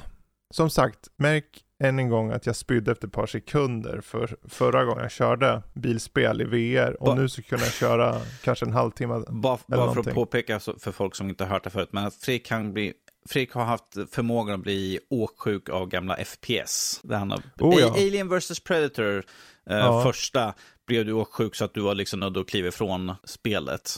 Ja, och Half-Life-motorn Och Half-Life-motorn, precis. framförallt. Så, så Ehm. nu har ni nivån på Fredriks känslighet Mm. där och att han nu sitter och kör flera omgångar i VR säger någonting om Mm. Fast alltså, motorn i liksom. åksjuka i VR kan jag nog ändå sympatisera för. För det, jag menar, för två år sedan så testade jag ju eh, Iron Man VR hemma hos Mm. dig. Och just det där fly... Att, att flyga samtidigt som jag känner, fast nej, jag står ju still. Mm. Eh, Det var någonstans det, det fuckade i huvudet på mig. Vi så skulle, jag, ha, vi skulle ha fäst några trådar i taket och dragit upp det så att du hänger ovanför. Ja, det hade säkert hjälpt, men nej, jag, jag, vart, jag mådde fruktansvärt illa Precis. av det. Ja, men här i alla fall. Jag vart ju påverkad till slut. Det gick inte att sitta för länge. Och det, när man väl hade tagit av sig headset så satt det kvar i kroppen. Men det är just förmodligen med mig då. Men just att, för jag tror fördelen här, dels har vi Project Cars 3. Det här spelet är perfekt för VR om man får till det bra tror jag. Mhm. För det är så, ehm, det har en kombination av litet uns av arkad möter väldigt stora mängder simulator. Precis, det var just att- det jag uppskattade med det här spelet. Att det var som att eh, de två världarna hade mötts. Lite. Precis. Så, mm. Så när jag körde då det här spelet och liksom jag växlade själv allting och det kändes så, jag bara kom in i det på en gång. Mm. Trots att jag satt som liksom Skalmans jättenära liksom vägen och åkte fram som en go-kart och såg bilar. Du vet man åker in i en bil, det var som att bilen var ovanför mig. Och så här. Mm. Ehm, Men det funkade trots det. Och det här var för att jag ställde mig inte upp först och satte mig ner, utan jag satt från start och då trodde han att jag var högre Ja, än vad jag, egentligen jag var. som nästan förväntade mig att du skulle vara som Moleman, liksom och köra försiktigt i VR. Du liksom, åka lugnt, inte för Det vart fort. så först. Först gjorde jag så, när jag satte mig till, okej jag, jag kör lite långsamt bara för att se om jag börjar bli, om jag får de där spyvibbarna. Eh, Men de kom inte där. Jag bara, okej det funkar. Jag känner lite ner i magen, du vet när man svänger snabbt och man kollar åt sidan och det bara svischar förbi. Mm. Men det funkade. Mm. Så jag tänkte, okej men nu kör vi. Jag tar, det var ett helvete, man styrde ju med huvudet så här, vart du tittade på var punkten som liksom muspekan var. Så det var där jag fick trycka med handkontrollen då, eller handkontrollen med, med de här kna- knapparna som är på, på ratten. För att säga ja och nej och så. Ehm, så var, man kom in i det redan från början, var tusan ska jag kolla någonstans, hur gör jag det här? Och sen när jag väl satt, för första vyn man hade var bakom bilen, det funkar inte för fem öre. Nej, okej. Och, och liksom spela och vara bakom bilen, då, det, nej, Mm, nej, nej. säger jag bara. Mm. Eh, men det fanns ju flera vyer, det fanns ju, Mm. när man, du vet ju hur många det är Ja. i sån där bil, eller ni, Mm. att det ena är ju med front och så, men det vart lite, ja jag satt för Du fel. hade inte den där som ligger precis snett nedanför ena julhuset? Åh, ja. ja, precis. Här action cam. Men just det, för jag hade ju som jag sa där, den var ju inte riktigt eh, linad, för jag hade ju inte ställt mig upp först. Mm. Så att när jag tog den här cockpit-vyn, så mycket riktigt så var det ju märkligt då att se armar och ben och sånt röra på sig. Men framförallt var det i och med att det inte var inställt så satt hela, jag såg ju från taket. Så att jag, om jag satt för högt, jag, Mm. jag hade liksom, eh, nu pekar jag, det vet ju inte ni lyssnare, men jag har, Mm. jag har taket i pannan typ. Så Ja. jag fick ju sitta lite på huk. Men Fredrik, du, det kan inte vara för att du är en lång jävel bara helt enkelt. Nej, det var för att jag inte ställde mig upp när jag det, liksom Fredrik, du är en lång jävel och du har en clownbil, så jag tror att jag har löst problemet där. Ehm, nej, Matte alltså bara skakar på huvudet. till slut, i, i slutet av den här lilla meningen så vill jag bara säga att jag tyckte det var förvånansvärt bra. Jag tror inget spel funkar i VR för länge. Det spelar ingen roll vilket VR-headset du har egentligen. Nej. Eh, det, det är svårt att ha det för länge. Jag har ju kört, jag hade ju den här andra Linda Lovelace-simulatorn. Nej. Nej, Dagens Men, tema, eh, presenterat av ja, Linda precis. Lovelace. åh gud. Hur, hur kom hon med i allt det här? Jag har ingen aning. Mattes Eh, Alltså grejen... apropå spyhink då. Ja, Nej. fast alltså grejen är den att jag, jag hade ju en väldigt proper och bra förklaring till vem Linda Lovelace var. Men det, ja, vi låter det gå till historien. Eller lämna det åt handlingarna. Matte, Matte, du får spela in förklaringen efteråt, sen får vi se ifall Fredrik klipper in det någonstans. Precis, precis. Eh, och det är bra för jag pratar igen om spyhinkar och sånt. Så Mm. där. Okej. Eh, vad spyr hon upp? Nej, svara inte på det. Eh, oavsett, vi går vidare. Ja. Eh, vi har lite annat här. Är det någon mm. som känner sig manad? Är det något ni vill eh, ska tas upp? Go for it, säg. Ja, alltså, jag, jag, det här är ingenting som är uppskrivet, men jag skulle vilja ha en, uh, eftersom vi hade ju bara förra veckan att Matte hade en, en, en förhandstitt på Dying Light 2 och sådär. Jaha. Och nu, när nu är Mattes recension ut med, så jag skulle vilja, ja. ifall man kunde ha kanske en, det här är inte ingenting vi har uppskrivit, men att jag skulle bara vilja ha en liten, en liten slutsummering vad du tyckte om spelet efter att recensionen har kommit ut. Så. Eh, jag tyckte att det var bra. Okej, okay, då är jag med. alltså, alltså jag, jag, har läst Mattes recension, men jag, det är alltid intressant för man kan få lite mer förtydligande. I... Ja, alltså, jag tycker att det är ett eh, väldigt högoktanigt eh, och underhållande spel. Alltså tempot är så fruktansvärt högt i spelet. Och det, mm. jag tycker att det eh, flyter på på ett sätt så att det passar och eh, det är inga krångliga kontroller att hålla koll på ens när man kör med eh, mus och tangentbord, tycker jag inte. Så mm. det, det, är ju det är dels bara väldigt kul att springa emellan uppdragen och försöka hitta den, den perfekta sträckan mellan hustaken utan att trilla ner på gatan och behöva tampas mot zombies eller eh, studsa upp på ett annat hustak där det finns eh, några macho douchebag banditer.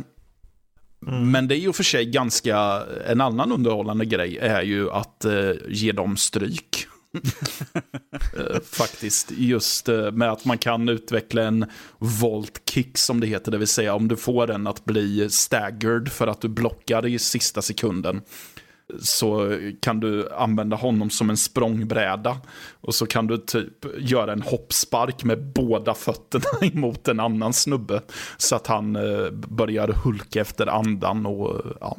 Jag, jag känner att någon av, våra, någon av våra lyssnare sitter just nu så här, mm. han nämnde det i förra veckan. Ja, jag vet. Och det, och det är också obligatoriskt att finns det en brasa i närheten eller sådana här soptunnor med piggar på, Mm. Man måste ju försöka sparka in fiender i dem. Okay, ja, för lyckas man med det så bränns de eller så spetsas de och dör direkt. Ah, Nej, men okay, vad okay, jag kanske inte äh, pratade om så mycket, det var ju just äh, äh, när man craftar saker. För i många sådana här spel så har jag upplevt att man måste ta sig till någon typ av arbetsbänk för att hålla på och pilla och så. Eh, det behöver man inte hålla på med i det här spelet. Utan man har en, eh, en dedikerad eh, crafting-meny där alla blueprints man har samlat på sig samlas och de listar att ja, men du behöver de här komponenterna för att bygga den här eh, slangbällan som skjuter, eh, nu hittade jag på något, jag drog Varför bara något. Varför Matte skutta från ett hustak bara med en slangbälla? Nej men okej, okay, du vill bygga en, säg att du vill Uh, nej men okej, okay, du vill bygga molotovs, då är det så här, okej, okay, du behöver alkohol, du behöver tyg och du behöver scraps. Mm. Så, och uh, har du allt det på dig så är det bara att gå in i den här crafting-menyn. Du behöver inte ens vara i närheten av en bas, utan du kan, du kan stå med fiender framför dig. Och så är det bara att eh, välja den för att eh, du ser att eh, okej, okay, den här kan jag använda. Och så trycker man bara på craft. Så. Så det, jag, jag, uppskattar just den smidigheten för att det blir inte det här onödiga rännandet fram och tillbaka till en eh, bas. Jag behöver inte avbryta det jag håller på med utan jag kan göra det i stundens behag eller vad man säger. Så. Det är inte så här liksom, oh, jag ska iväg och göra det här men först måste jag tillbaka till min bas för att fixa lite nya vapen och sånt. Ja, utan nu är det typ att du, du, du sticker tillbaka till basen för att eh, du vill sälja dina vä värdesaker som du har hittat och du kan sälja eller, och du kan köpa på dig nya blueprints och du kan köpa på dig nya vapen, lite nya kläder och så om du känner för det. Mm. För, för, jag vet att det här är ju, det här är typ den enda saken du hade lite som en liten grej som du hade i recensionen, att du inte kunde reparera vapen. Ja, det, som jag har förstått så finns det en uh, uppgradering eller en modifikation som, ja men det är väl ett blueprint då, som du kan eh, installera och, eller aktivera och applicera på vapnen och att du sen kan reparera det. Typ. Du kan förstärka vapnen men eh, jag minns att i förra spelet så hade du ändå dedikerat att du kunde reparera.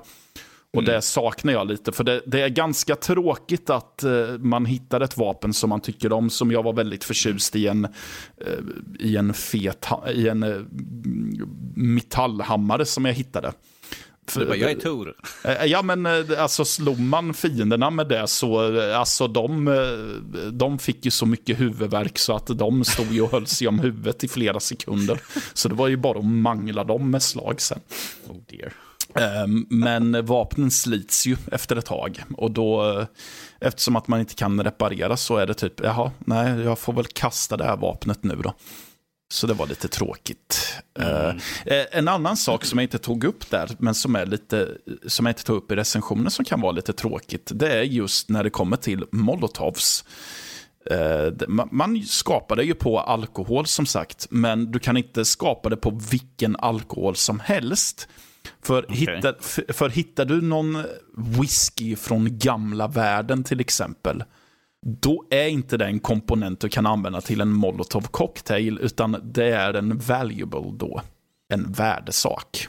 Så den ska du sälja och inte använda till vapen. Ma- Matte, jag Det är skillnad på sprit och sprit. Eh, Ja, uppenbarligen. Jag menar, spelet har ju en väldigt rolig skylt på en av baserna där det står When life gives you lemons, add vodka.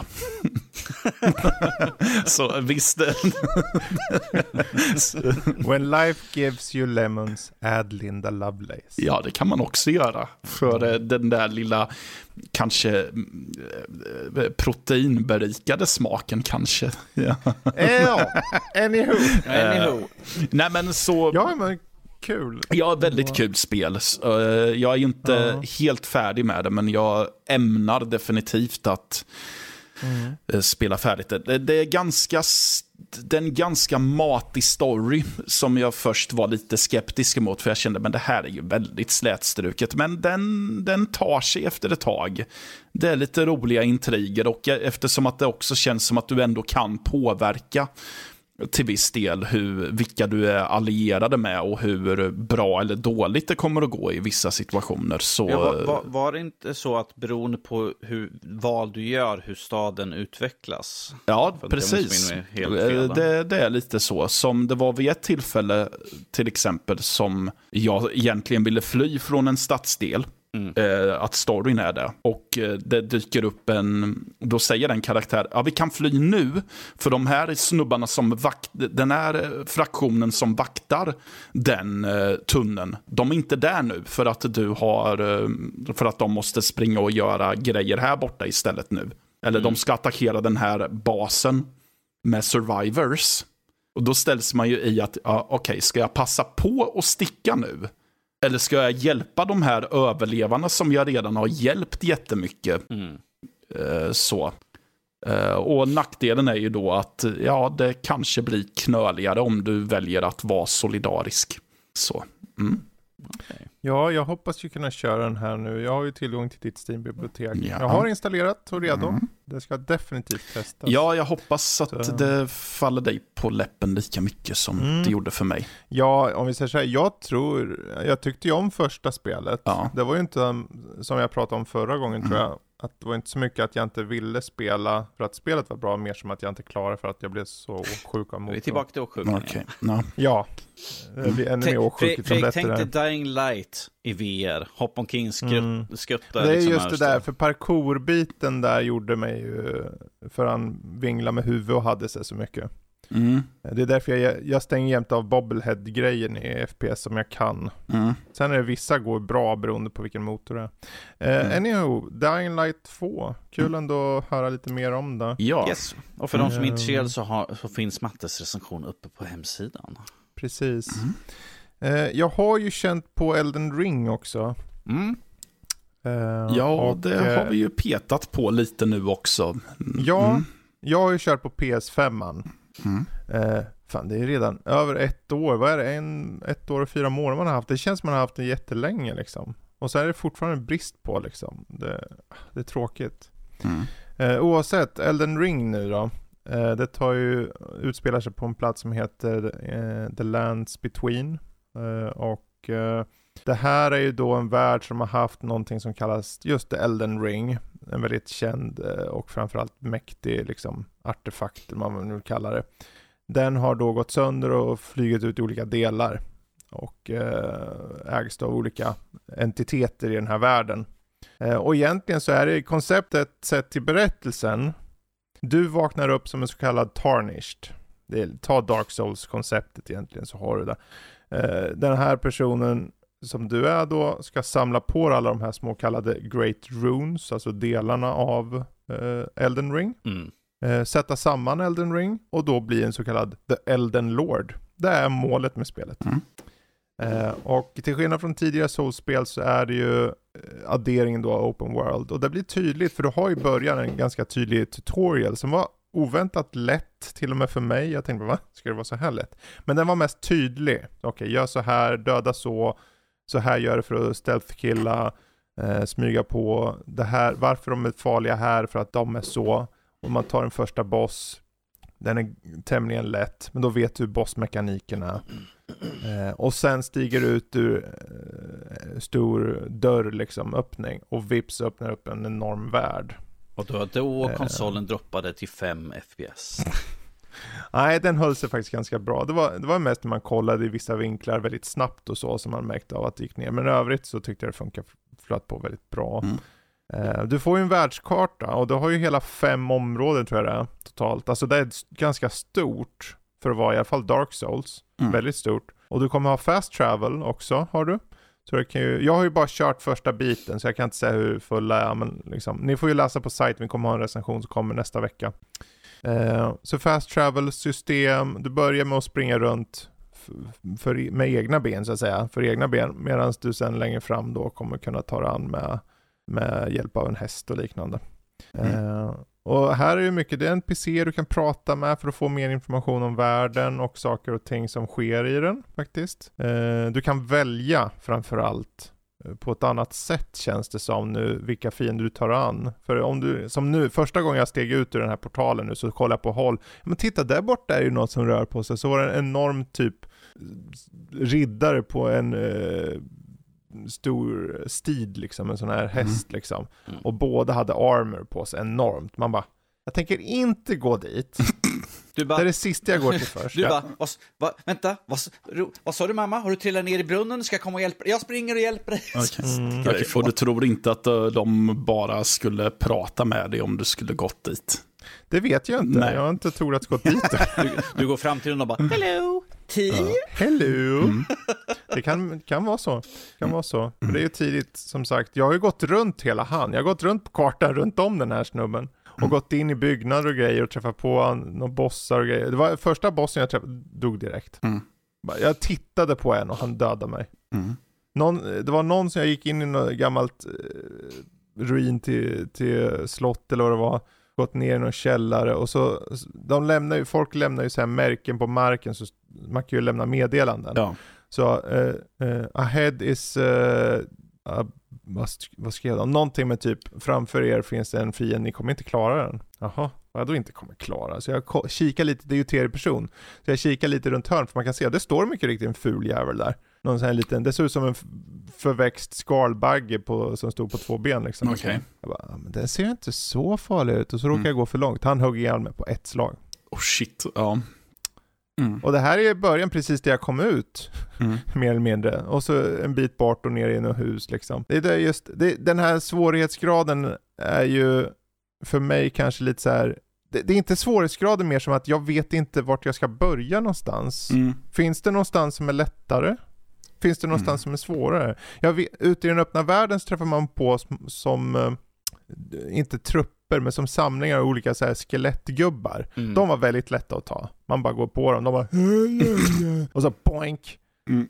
Linda Lovelace. och sen så, ja, skönt att Nej. hon får vara med igen där. Nej men eh, det, det, är ju också en sån sak som jag vet att uh, det delar väl upp folk i två läger lite när det kommer till mm. FromSoft. Det är väl ganska mycket som gör det i och för sig. Men en av de grejerna är ju just att de inte vill hålla spelaren i handen.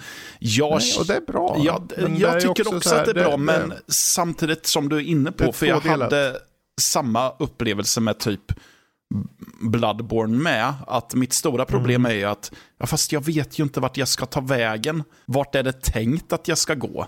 Mm. Uh, eller, ja, så. Ja. Mm. Um, av den lilla bit jag har kört hittills, jag, jag, tänker inte säga så mycket mer om mitt omdöme om spelet, för jag, vet inte, jag kan inte säga det riktigt känner jag. Uh, jag tycker det känns lovande.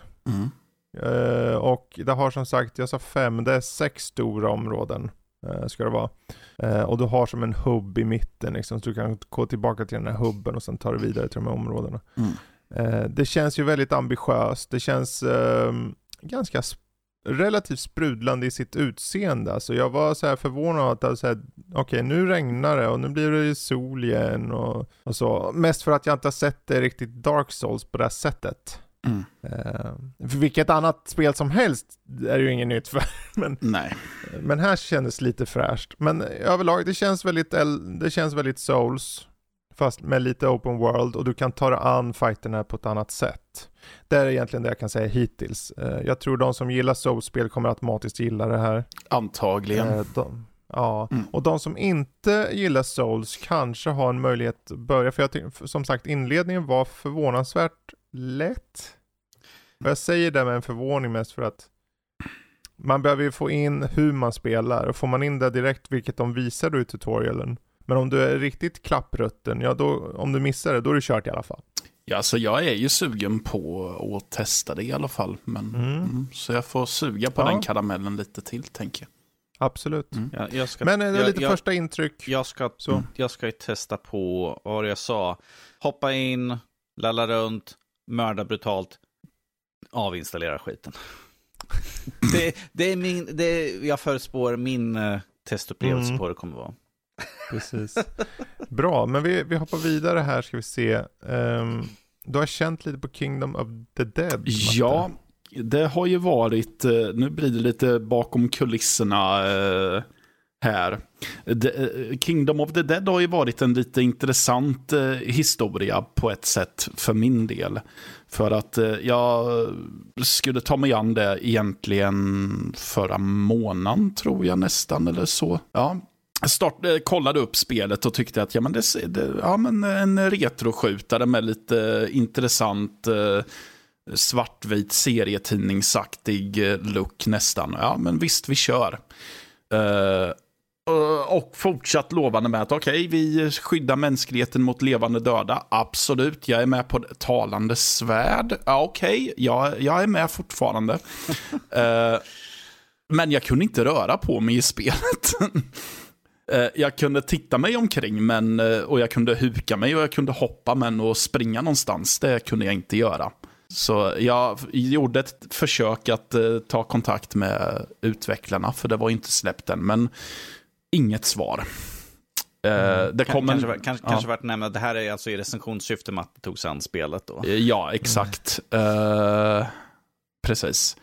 Det kom en uppdatering och då tänkte jag, ja, ah, nu är det åtgärdat säkert. Nej, det var det inte. Det var samma problem, så hej hej, då skiter vi i det här.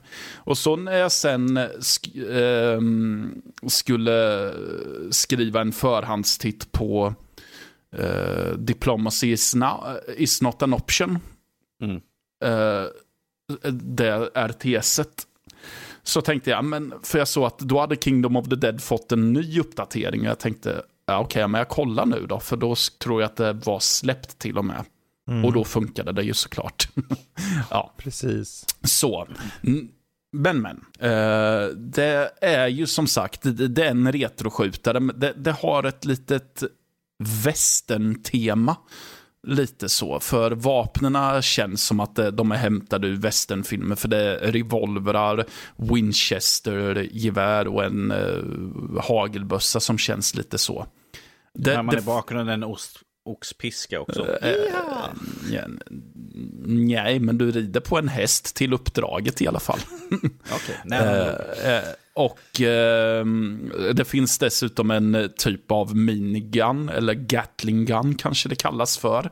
Och då tänker man, ja men det känns ju inte så mycket vilda västern, men då är det ju så här att han skjuter ju patronerna genom att han har en vev som han vevar på. Den första Så, Gatling Gunnen. eh. Jajamän. Så eh, det är lite schysst. Nej, men, så man skjuter väldigt mycket typ zombie-liknande varelser som kommer och försöker hugga dig med svärd. Det är några uslingar som eh, har eh, skjutvapen och det är någon, eh, några som kastar energiklot på dig. Matt, och så Matte, är det- vad är det med dig och mörda zombies alltså? Två Ja. spelare i rad nu. Och sen så finns det några jättefula harpyor, tror jag att de ska eh, kallas för. Ehm, först trodde jag bara att det var vanliga fåglar som bara attackerade för att de är rövhål. Men sen så har de typ ett jätte, de har jättefula gubbansikten då. Så det, Nej. Nej, men så det ser ut som typ den, den perversa morbrodern till eh, Astrid Lindgrens Vildvittrer ungefär. Ja, Jösses. Ja, nej men jag har kört eh, eh, första uppdraget har jag gjort. Och eh, ja men, det är ju så här. Det, det, är en, det är en klassisk skjutare. Du går från början av banan till slutet av banan och du skjuter Mm. allt som kommer i din väg. Det finns säkerligen hemligheter att hitta. Eh, men eh, jag har inte upptäckt någon egentligen och när jag trott mig hitta hemligheter så står det inget om secret found eller något sånt. Eh, eller, um, så det är väldigt rätt fram på det sättet. Um, bossarna, om de följer samma mönster som första bossen så kan det både bli jävligt men också intressant. För jag mötte någon eh, typ sån här, eh, någon slags underjordisk maskvarelse alla Dune ungefär. Och den, eh, den one-shotar mig. Det vill säga en attack från den som träffar så är jag död. Och då Är tänkte det, jag för mig, är det ett soulspel nu helt plötsligt? Ja, jag tänkte det också för alltså, vanliga fienderna är inte eh, särskilt svåra alls. Sen beror det ju på hur van man är vid sådana här spel såklart. Jag tycker inte att det, det är några problem med dem, men så det var så väldigt märkligt att sen stöta på en boss som dödar dig på ett slag mer, mer eller mindre. Mm. Så.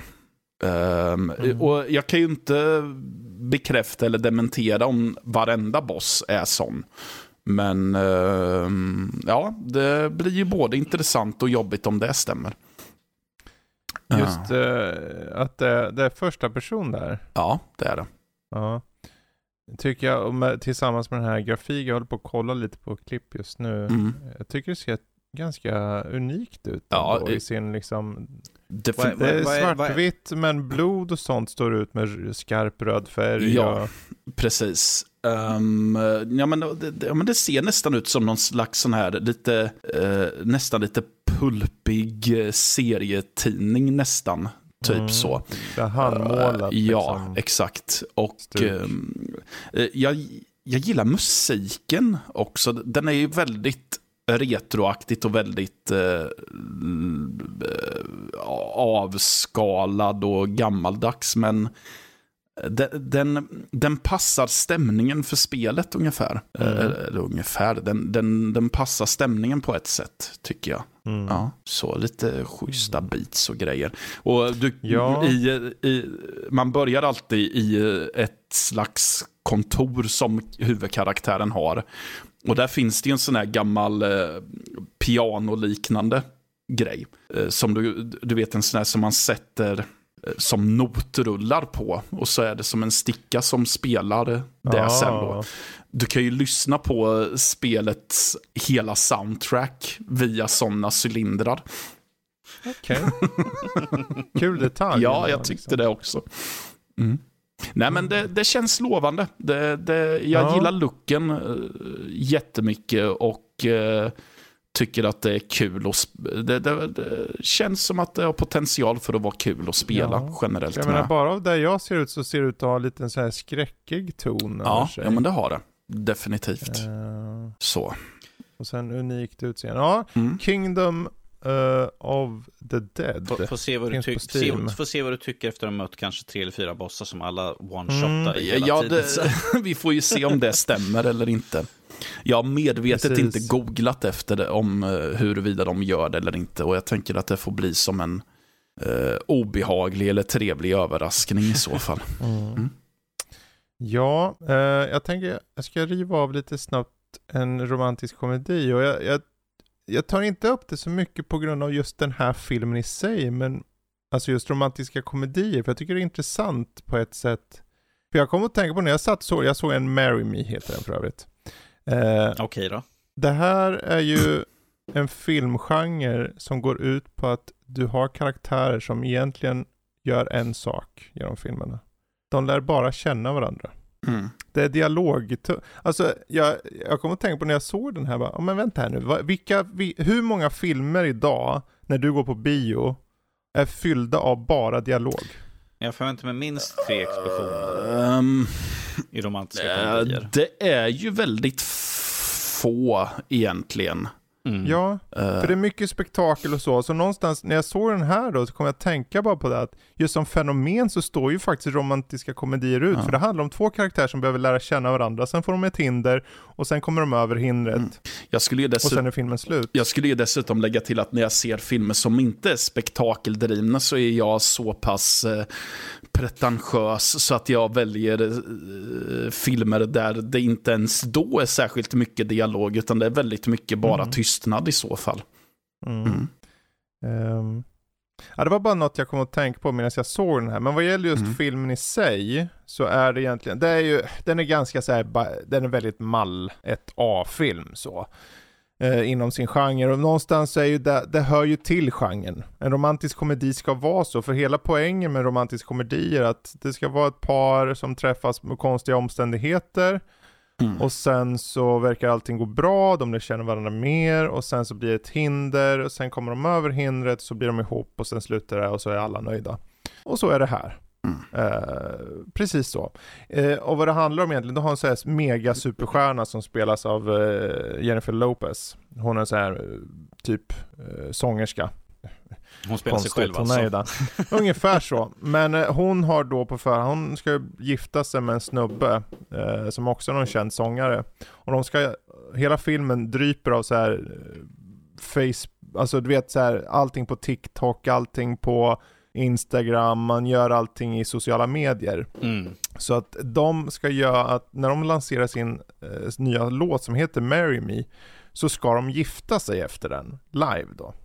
Okej. Eh, som de gör i sociala medier och så. Hon och den här kända sången. Men sen på kvällen då som hon ska eh, upp på scenen, göra det här shownumret och han ska komma ut och sen ska de gifta sig. När det där sker då så eh, är det någon video som börjar spridas samtidigt som showen påbörjas och då har han haft en affär. Så hon eh, såklart blir ju helt, hon är ju mitt uppe i showen. Hon vet inte riktigt vad hon ska göra så hon, hon ser en kille som har mist, av ren slump håller en skylt som står 'Marry Me' Så hon tar upp den här killen på scen och gifter sig med honom. Han spelas av Owen Wilson. Okej. Hon bara, Och han du har med kommit brutna dit. näsan, kom hit. Ja, han har kommit dit av, re- egentligen av, re, av ren slump för han har en kompis på sin skola, eller en kompis, en kollega som spelas av Sarah Silverman, som eh, ska dra på den här konserten då, för hon vill se det här och han, han har en dotter då som är lite impad av den här eh, superstjärnan. Så ja men det är klart dottern måste få se det här. Och Så- helt plötsligt har hon en svärmor som är den häftiga. Ja, för, för, för hans kollega då skulle egentligen ha gått med någon annan, men den hoppade av. Och det var ju då någon snubbe eller någonting som hade skylten. Så han åker dit med dottern istället och tänker hon ska få en show. Och dottern, men jag vill inte hålla den här, så han får hålla i skylten. Eh, och hon, han bara dras upp och han, han är bara, han är bara en, typ en lärare, typ mattelärare. Eh, sen handlar det ju, ni vet konceptet, hon Mm. är av en värld och han av en annan värld och sen så ska de lära känna varandra för de har redan gift sig. Men ska de, ja men vi måste göra för show för hon vill inte att det ska bara vara för show. Hon vill ju att det ska, hon vill ju kä- lära känna dem lite grann så att publiken inte tror att det bara är för att avverka så att det är något Ja. så här. Och då är det så här, det blir så här, okej men vad, hur mycket ska de lära känna varandra? Är det värt att lära känna varandra om det bara ska ta slut efter tre månader? Men de lär känna varandra. Eh, och han har ju fötterna på jorden, för hon har bara ja-sägare runt omkring sig. Alla hjälper ju henne med allting, hon, hon, kan inte, hon gör ju allting, typ Var, noll varför förväntar jag mig att det kommer liksom, does my ass look big in this? Och han bara, japp. Ja, ja. Han är bara jordnära och, och schysst bara. Hon verkar inte ha haft sådana killar. Eh, och man kan ju tycka vad man vill om spe, eh, filmen egentligen. Den är man lätt av. Men när du väl har sett den så sitter den, och det, är- det är en nice film, det är en okej film. Så. Ja, eh, alltså, alla de här filmernas mål är egentligen att du ska sitta och må lite fint bara på slutet. Jo. alltså, jag är ju en sån som kan eh, dissa filmer och dylikt för att jag tycker att ja, men det här är mall 1A. Men Mm. eh, faktum är ju att ibland är det ju precis något sånt man behöver. På samma sätt som att, mm, ja men jag vet inte. Uh, är jag, jo, alltså. ehm, ja men säg så, så här, någon sån här husmanskosträtt som man har ätit flera gånger om. Mm. Att nej, det är ingen smaksensation. Du bjuds inte på någon ny erfarenhet. Men det är något du känner igen och Mm. det är trevligt. Och faktiskt, Precis. ibland är det exakt det man behöver. Ja, exakt. Något familjärt. Eh, Ja, ja. precis. Sen, är- det, det här, är- I den här genren så finns det ju några filmer som faktiskt står ut väldigt mycket. Jag skulle säga att Mm. Notting Hill kanske står mycket, mycket bättre i kursen än den här. Mm. Eh, sen kommer jag inte på fler. Men det finns många där ute. Väldigt många. Ja, Marry Me som den här heter. Jag skulle säga att den är som, ni ska inte se den på bio, det är meningslöst. Men när ni kommer åt den hemma vid så är det en mysig stund faktiskt. Mm. Och jag satt ju med tjejen och då var det liksom, det var mysigt. Och så lite så här, nu vet jag det blir mot, lite sentimentalt mot slutet och så blir det bra. Och någonstans, det är ju en tröst ändå. Att filmer idag, även om de är det är ju en fantasi, för egentligen, vem är det som ställer sig på en scen och bara väljer att besluta att de ska gifta sig där med någon helt okänd? Det händer bara på film. Men det är ju också det att, skulle vi istället ha liksom en relation som tar ett, ett år på film i realtid, och sen så kanske inte blir något, det ser ingen på. Ingen vill se det. tror du att, Utan du, du, tror du Ja. att Linda Lovelace hade gjort något sånt där? Nej. Jag hörde det. Jag hörde hur det gick dit. Ja. Så, så var tankegången i matte liksom. Åh, hur Ja. ska jag kunna baka in här nu? Mm. Jag tycker i den här filmen, Owen Wilson är nog den bästa i den. Han har blivit mycket bättre. Jag tror mycket har med Loki att göra för att Loki var han riktigt bra i. Okej. Riktigt bra. Jag kände inte igen han där heller när han hade en sån annan frissa och mustasch och allt vad det var där. Ehm, här är han okej, han står ut, men det är ju ingen film som är så här. Det handlar ju mycket om kemi mellan han och Jennifer Lopez och de har kemin. Mm. Jag tror det, alla de här romantiska komedierna, det är där det hänger på. Har de kemi, funkar den? Är det Ryan Reynolds och Sandra Bullock i någon sån här romcom? Eller är det Hugh Grant och Arne Ja. Weise tänkte jag säga, eller Linda Lovelace? Jag tänkte ju på det, Bara för, jag tänkte på det förut. Jag, jag gillar ju en romantisk komedi som heter Friends with Benefits med Justin Mm. Timberlake och Mila Kunis. Ja, Bland annat för att jag tycker att de har en eh, god kemi i, sinsemellan. Och sen så tycker jag också om att Woody Harrelson är med som en homosexuell eh, sportjournalist. Mm. Mm. Ja, bra. Men nu ska vi se här. Vad har vi? Vill du, ska vi avsluta på norsken här lite och li, avslutande tankar kring Horizon Forbidden West? Mm, mm. Ja, Hur, hurdan är den förbjudna västen och varför är den Ja. förbjuden? Varför ska inte För vi hade ju folk... första intryck förra Mm. veckan, så nu, nu kommer det här. Och framförallt, hur många karri- karaktärer bär väst i filmen? Eller i spelet menar jag. Och är de förbjudna att ha på sig? De är förbjudna, det är förbjudna västar. Förbjudna västarna. Okej. Mm. De förbjudna västarna. Eh, nej, alltså vi pratade ju lite, lite lätt om det förra veckan och nu har min recension kommit ut med eh, flying colors, så att säga. Eh, Det är alltså flygande färger för er där ute. Och färger är någonting som är mycket, det är ett väldigt färggrant spel och uh, Eh, Tenax eh, som är liksom de som bor i den förbjudna västen liksom är, är väldigt färggranna på deras eh, uppsättningar av kläder och deras besmyckningar och allt sånt där. Så att, och man kan ju få eh, olika dräkter som man kan köpa till sig så att man kan ju leka runt ganska bra mycket. Nej, alltså jag tycker att det här var ett väldigt, väldigt kul underhållande spel och kunna köra igenom så att säga. Eh, dels för att storyn är riktigt bra. Även sidequesten tycker jag är väldigt bra för att även ifall du kanske är liksom, ja men gå, eh, nu tar jag bara som exempel där, liksom, ja, du måste åka iväg, hitta de här personerna. Under resan man får lära känna liksom, de karaktärer som man ska hjälpa, man får lite lore om världen man är i, liksom, om, om tenakernas liksom, liv och hur de ser på saker och ting. Så att man lär sig hela tiden någonting nytt, vilket jag tycker är bra, istället för att åka och hämta den här, ja men jag åker och hämtar Arne Weise nu här borta i hörnet så och tar tillbaka honom. Och det är liksom så här, ja men nu är jag klar, här får du fem kronor liksom. Det ger ju absolut ingenting. Men när du samtidigt liksom får pratar, lär känna liksom om världen hela tiden, så att det känns som att det är en riktig värld du är i. Det tycker jag tillför någonting och ger ett större djup. Eh, samtidigt så har vi Alloys resa med att försöka hitta en kopia på Gaia. Eh, Super-AI som ska liksom fixa världen. Och i förra spelet så var det Hades, så var det den onda AI som man skulle ta stopp. Och här nu är det liksom försöka hitta en kopia och stoppa Regala som är en rebell som har startat inbördeskrig i det förbjudna västern. Så att det finns väldigt mycket man får slåss emot. Det finns fler, om vi säger så här, det finns fler hot som jag inte tänker prata om. Att det är någonting man ska uppleva själv. Det finns några twist and turns som kommer i spelet. Eh, precis som Matte hade sitt, det är liksom väldigt mycket crafting och sånt, vilket är nytt nu att du kan uppgradera och, och fixa med dina vapen. Eh, vilket du inte kan göra var som helst, utan här måste man gå till en arbetsbänk för att kunna uppgradera kläder och dräkter. Det är så mycket uppgraderingar. Mm. Eh, samtidigt, eh, precis som eh, olika färdigheter, du har eh, sex olika klasser av uppgradering. Det är liksom jägare, du liksom, vill du köra stealth, vill du ha, vara bättre på att ta över maskiner och sånt där.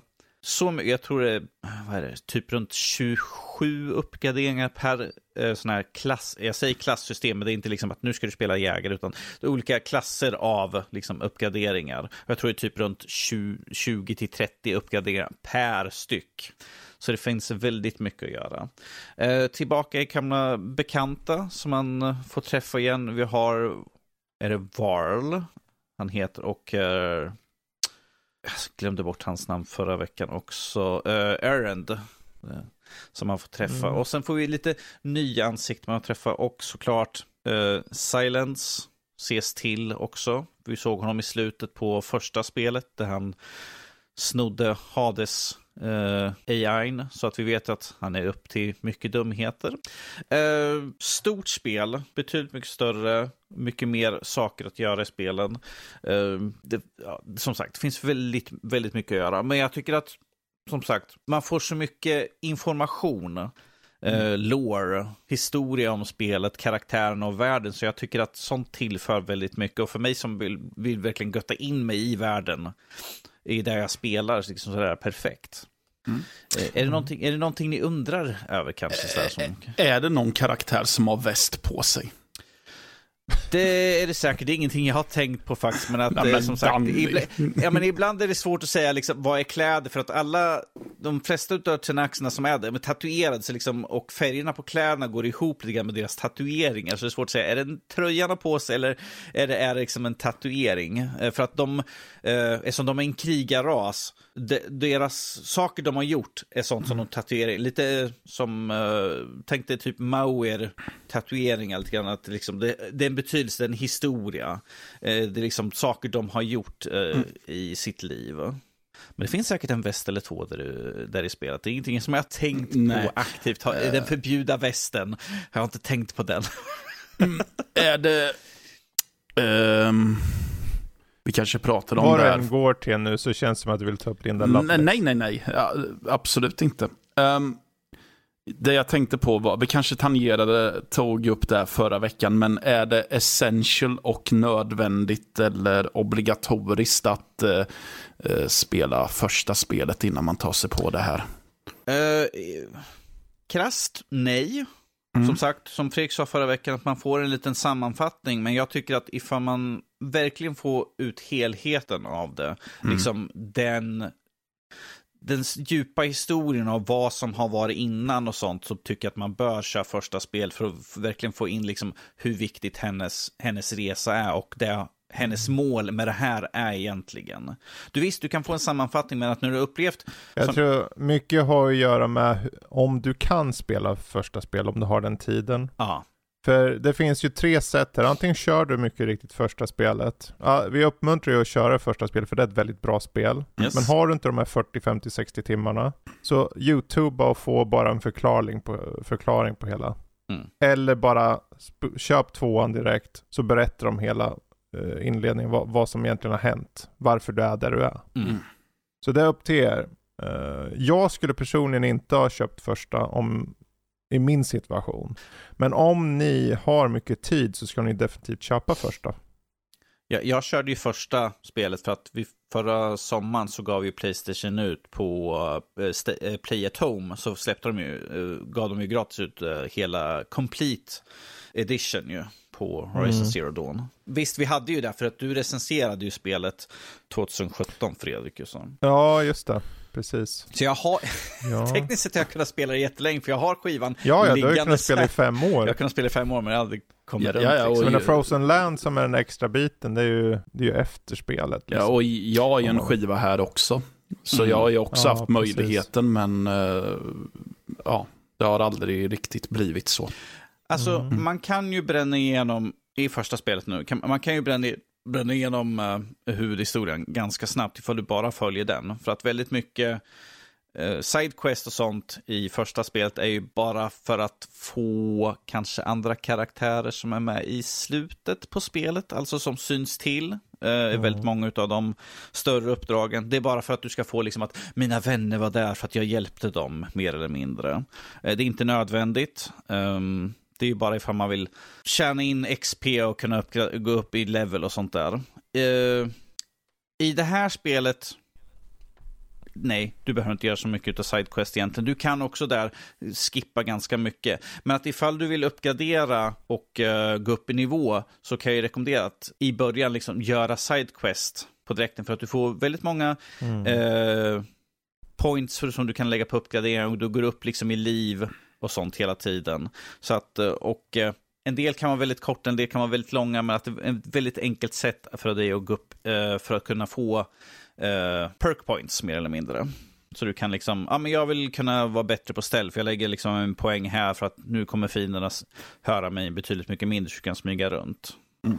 Um, men att, och det här är ju någonting som vi pratade också förra veckan om, liksom hur animationerna har förbättrats i spelet. För att nu kan du verkligen utläsa mer eller mindre känslor. Förra spelet var ju, well, det är lite stelt. Uh, Medan här har de liksom verkligen arbetat på animationer för att det ska se mer realistiskt ut, kunna utläsa känslor mycket enklare. Jag tog som exempel eh, i recensioner att det är en person som börjar prata om sina drömmar. Han är en sån här person som är liksom pengar allt och sen liksom han bara och sen ska vi göra det här och sen åh, och så börjar han drömma sig bort. Man ser liksom han liksom blir alldeles liksom åh, då ska vi göra de här sakerna och sen kommer han på sig att det är någon som står och tittar på. ja, men det, det är ju liksom det, det är fjompighet. Man ser liksom, bara i den scenen ser man liksom snabbt hur han liksom går från, liksom drömmer sig bort till liksom den där lite stoiska ansiktet. Ja, ja, men det är, pff, jag, jag, vill bara tjäna mina pengar sådär. Mm. Uh, nämnde ju också, jag tror jag nämnde den, jag tror vi nämnde den förra veckan när um, uh, när det är en scen när Erend sitter liksom vid grinden, uh, en port liksom, och han liksom, han bara, Aloy, ifall du behöver någonting så finns jag liksom, man ser liksom på honom liksom att han är i ett känslomässigt tillstånd. Att liksom, jag vill vara där för mig, att jag är skadad just nu så att det är lite så här, vill, man ser liksom att jag vill hjälpa men att han skäms lite grann för att jag är skadad mm. så jag kan inte göra någonting, tyvärr. Det är, någonting, det är en av de starkare sidorna på spelet egentligen, att de har utvecklat det där. Och sen... Jag tror en viktig, en kul sak att poängtera ut, mm. som jag märkte, är ju mest att eh, Alloy har blivit betydligt mer personlig. Eh, och då syftar jag mest på när du har dialoger så kan du välja hur hon svarar. Så att ibland kan man välja att svara så här väldigt kort och nästan argt, typ Mm. nej, fuck off liksom. Och ibland så kan det vara så här, eh, du kan ju välja typ, ja men kärleksvägen liksom. Så.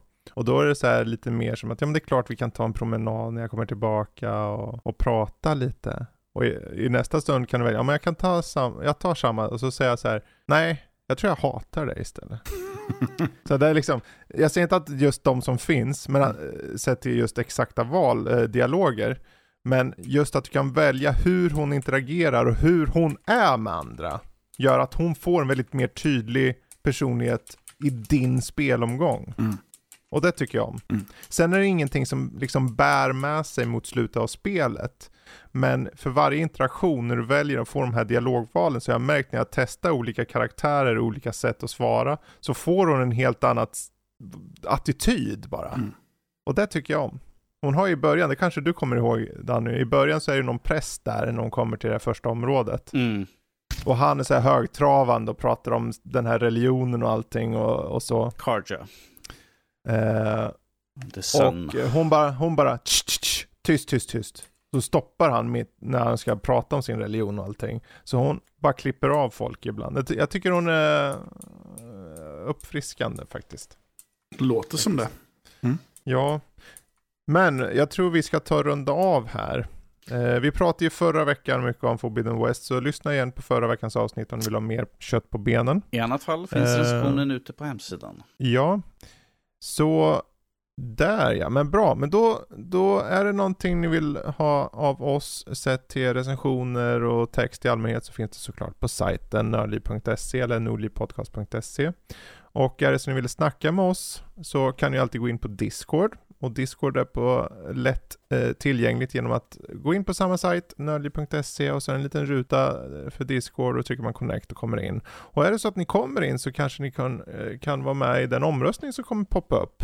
Mm. Eh, vi slänger oftast upp den på söndagar. Mm. Eh, den här veckan, vi har tre förslag. Det är antingen spelutvecklare under Microsoft eller sportspel i Lego. Vad tycker ni? Eh, romantiska komedier, favoriter genom tiderna. Vad tar vi? Ja du, det var en mycket bra fråga Fredrik. Sådär. Jag, jag tycker det ska vara lite grann eh, kul att ha sportspel i lego sådär, för att det finns Mm. lite variationer där. Jag var inne på den Precis. också faktiskt. Jättebra. Jag, jag, vi röstar, pratade jag röstar förut hårt om, för Dart. eh, vi, vi pratade ju förut om eh, hur 2K hade fått licensen för Lego-sportspel och därför kommer veckans fråga då på Discord vara vilket sportspel i Lego skulle ni vilja se bli Mm. gjort? Eh, och vilken sport alltså då? Jag, Kan det vara dart som Danny säger Jag eller kan undrar- det vara fickpingis eller? jag undrar en sak. Kommer Linda Lovelace Ja. vara ett alternativ?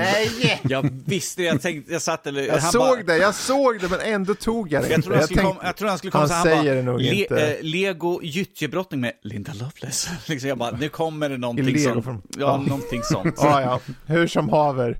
Eh, tack för att ni har lyssnat. Jag tack för mig och så tack till Danny och tack till Matte och, och ha jäkligt bra där ute bara så hörs vi igen om en vecka. Hej då Yes. allihopa. Mm. Hej, hej.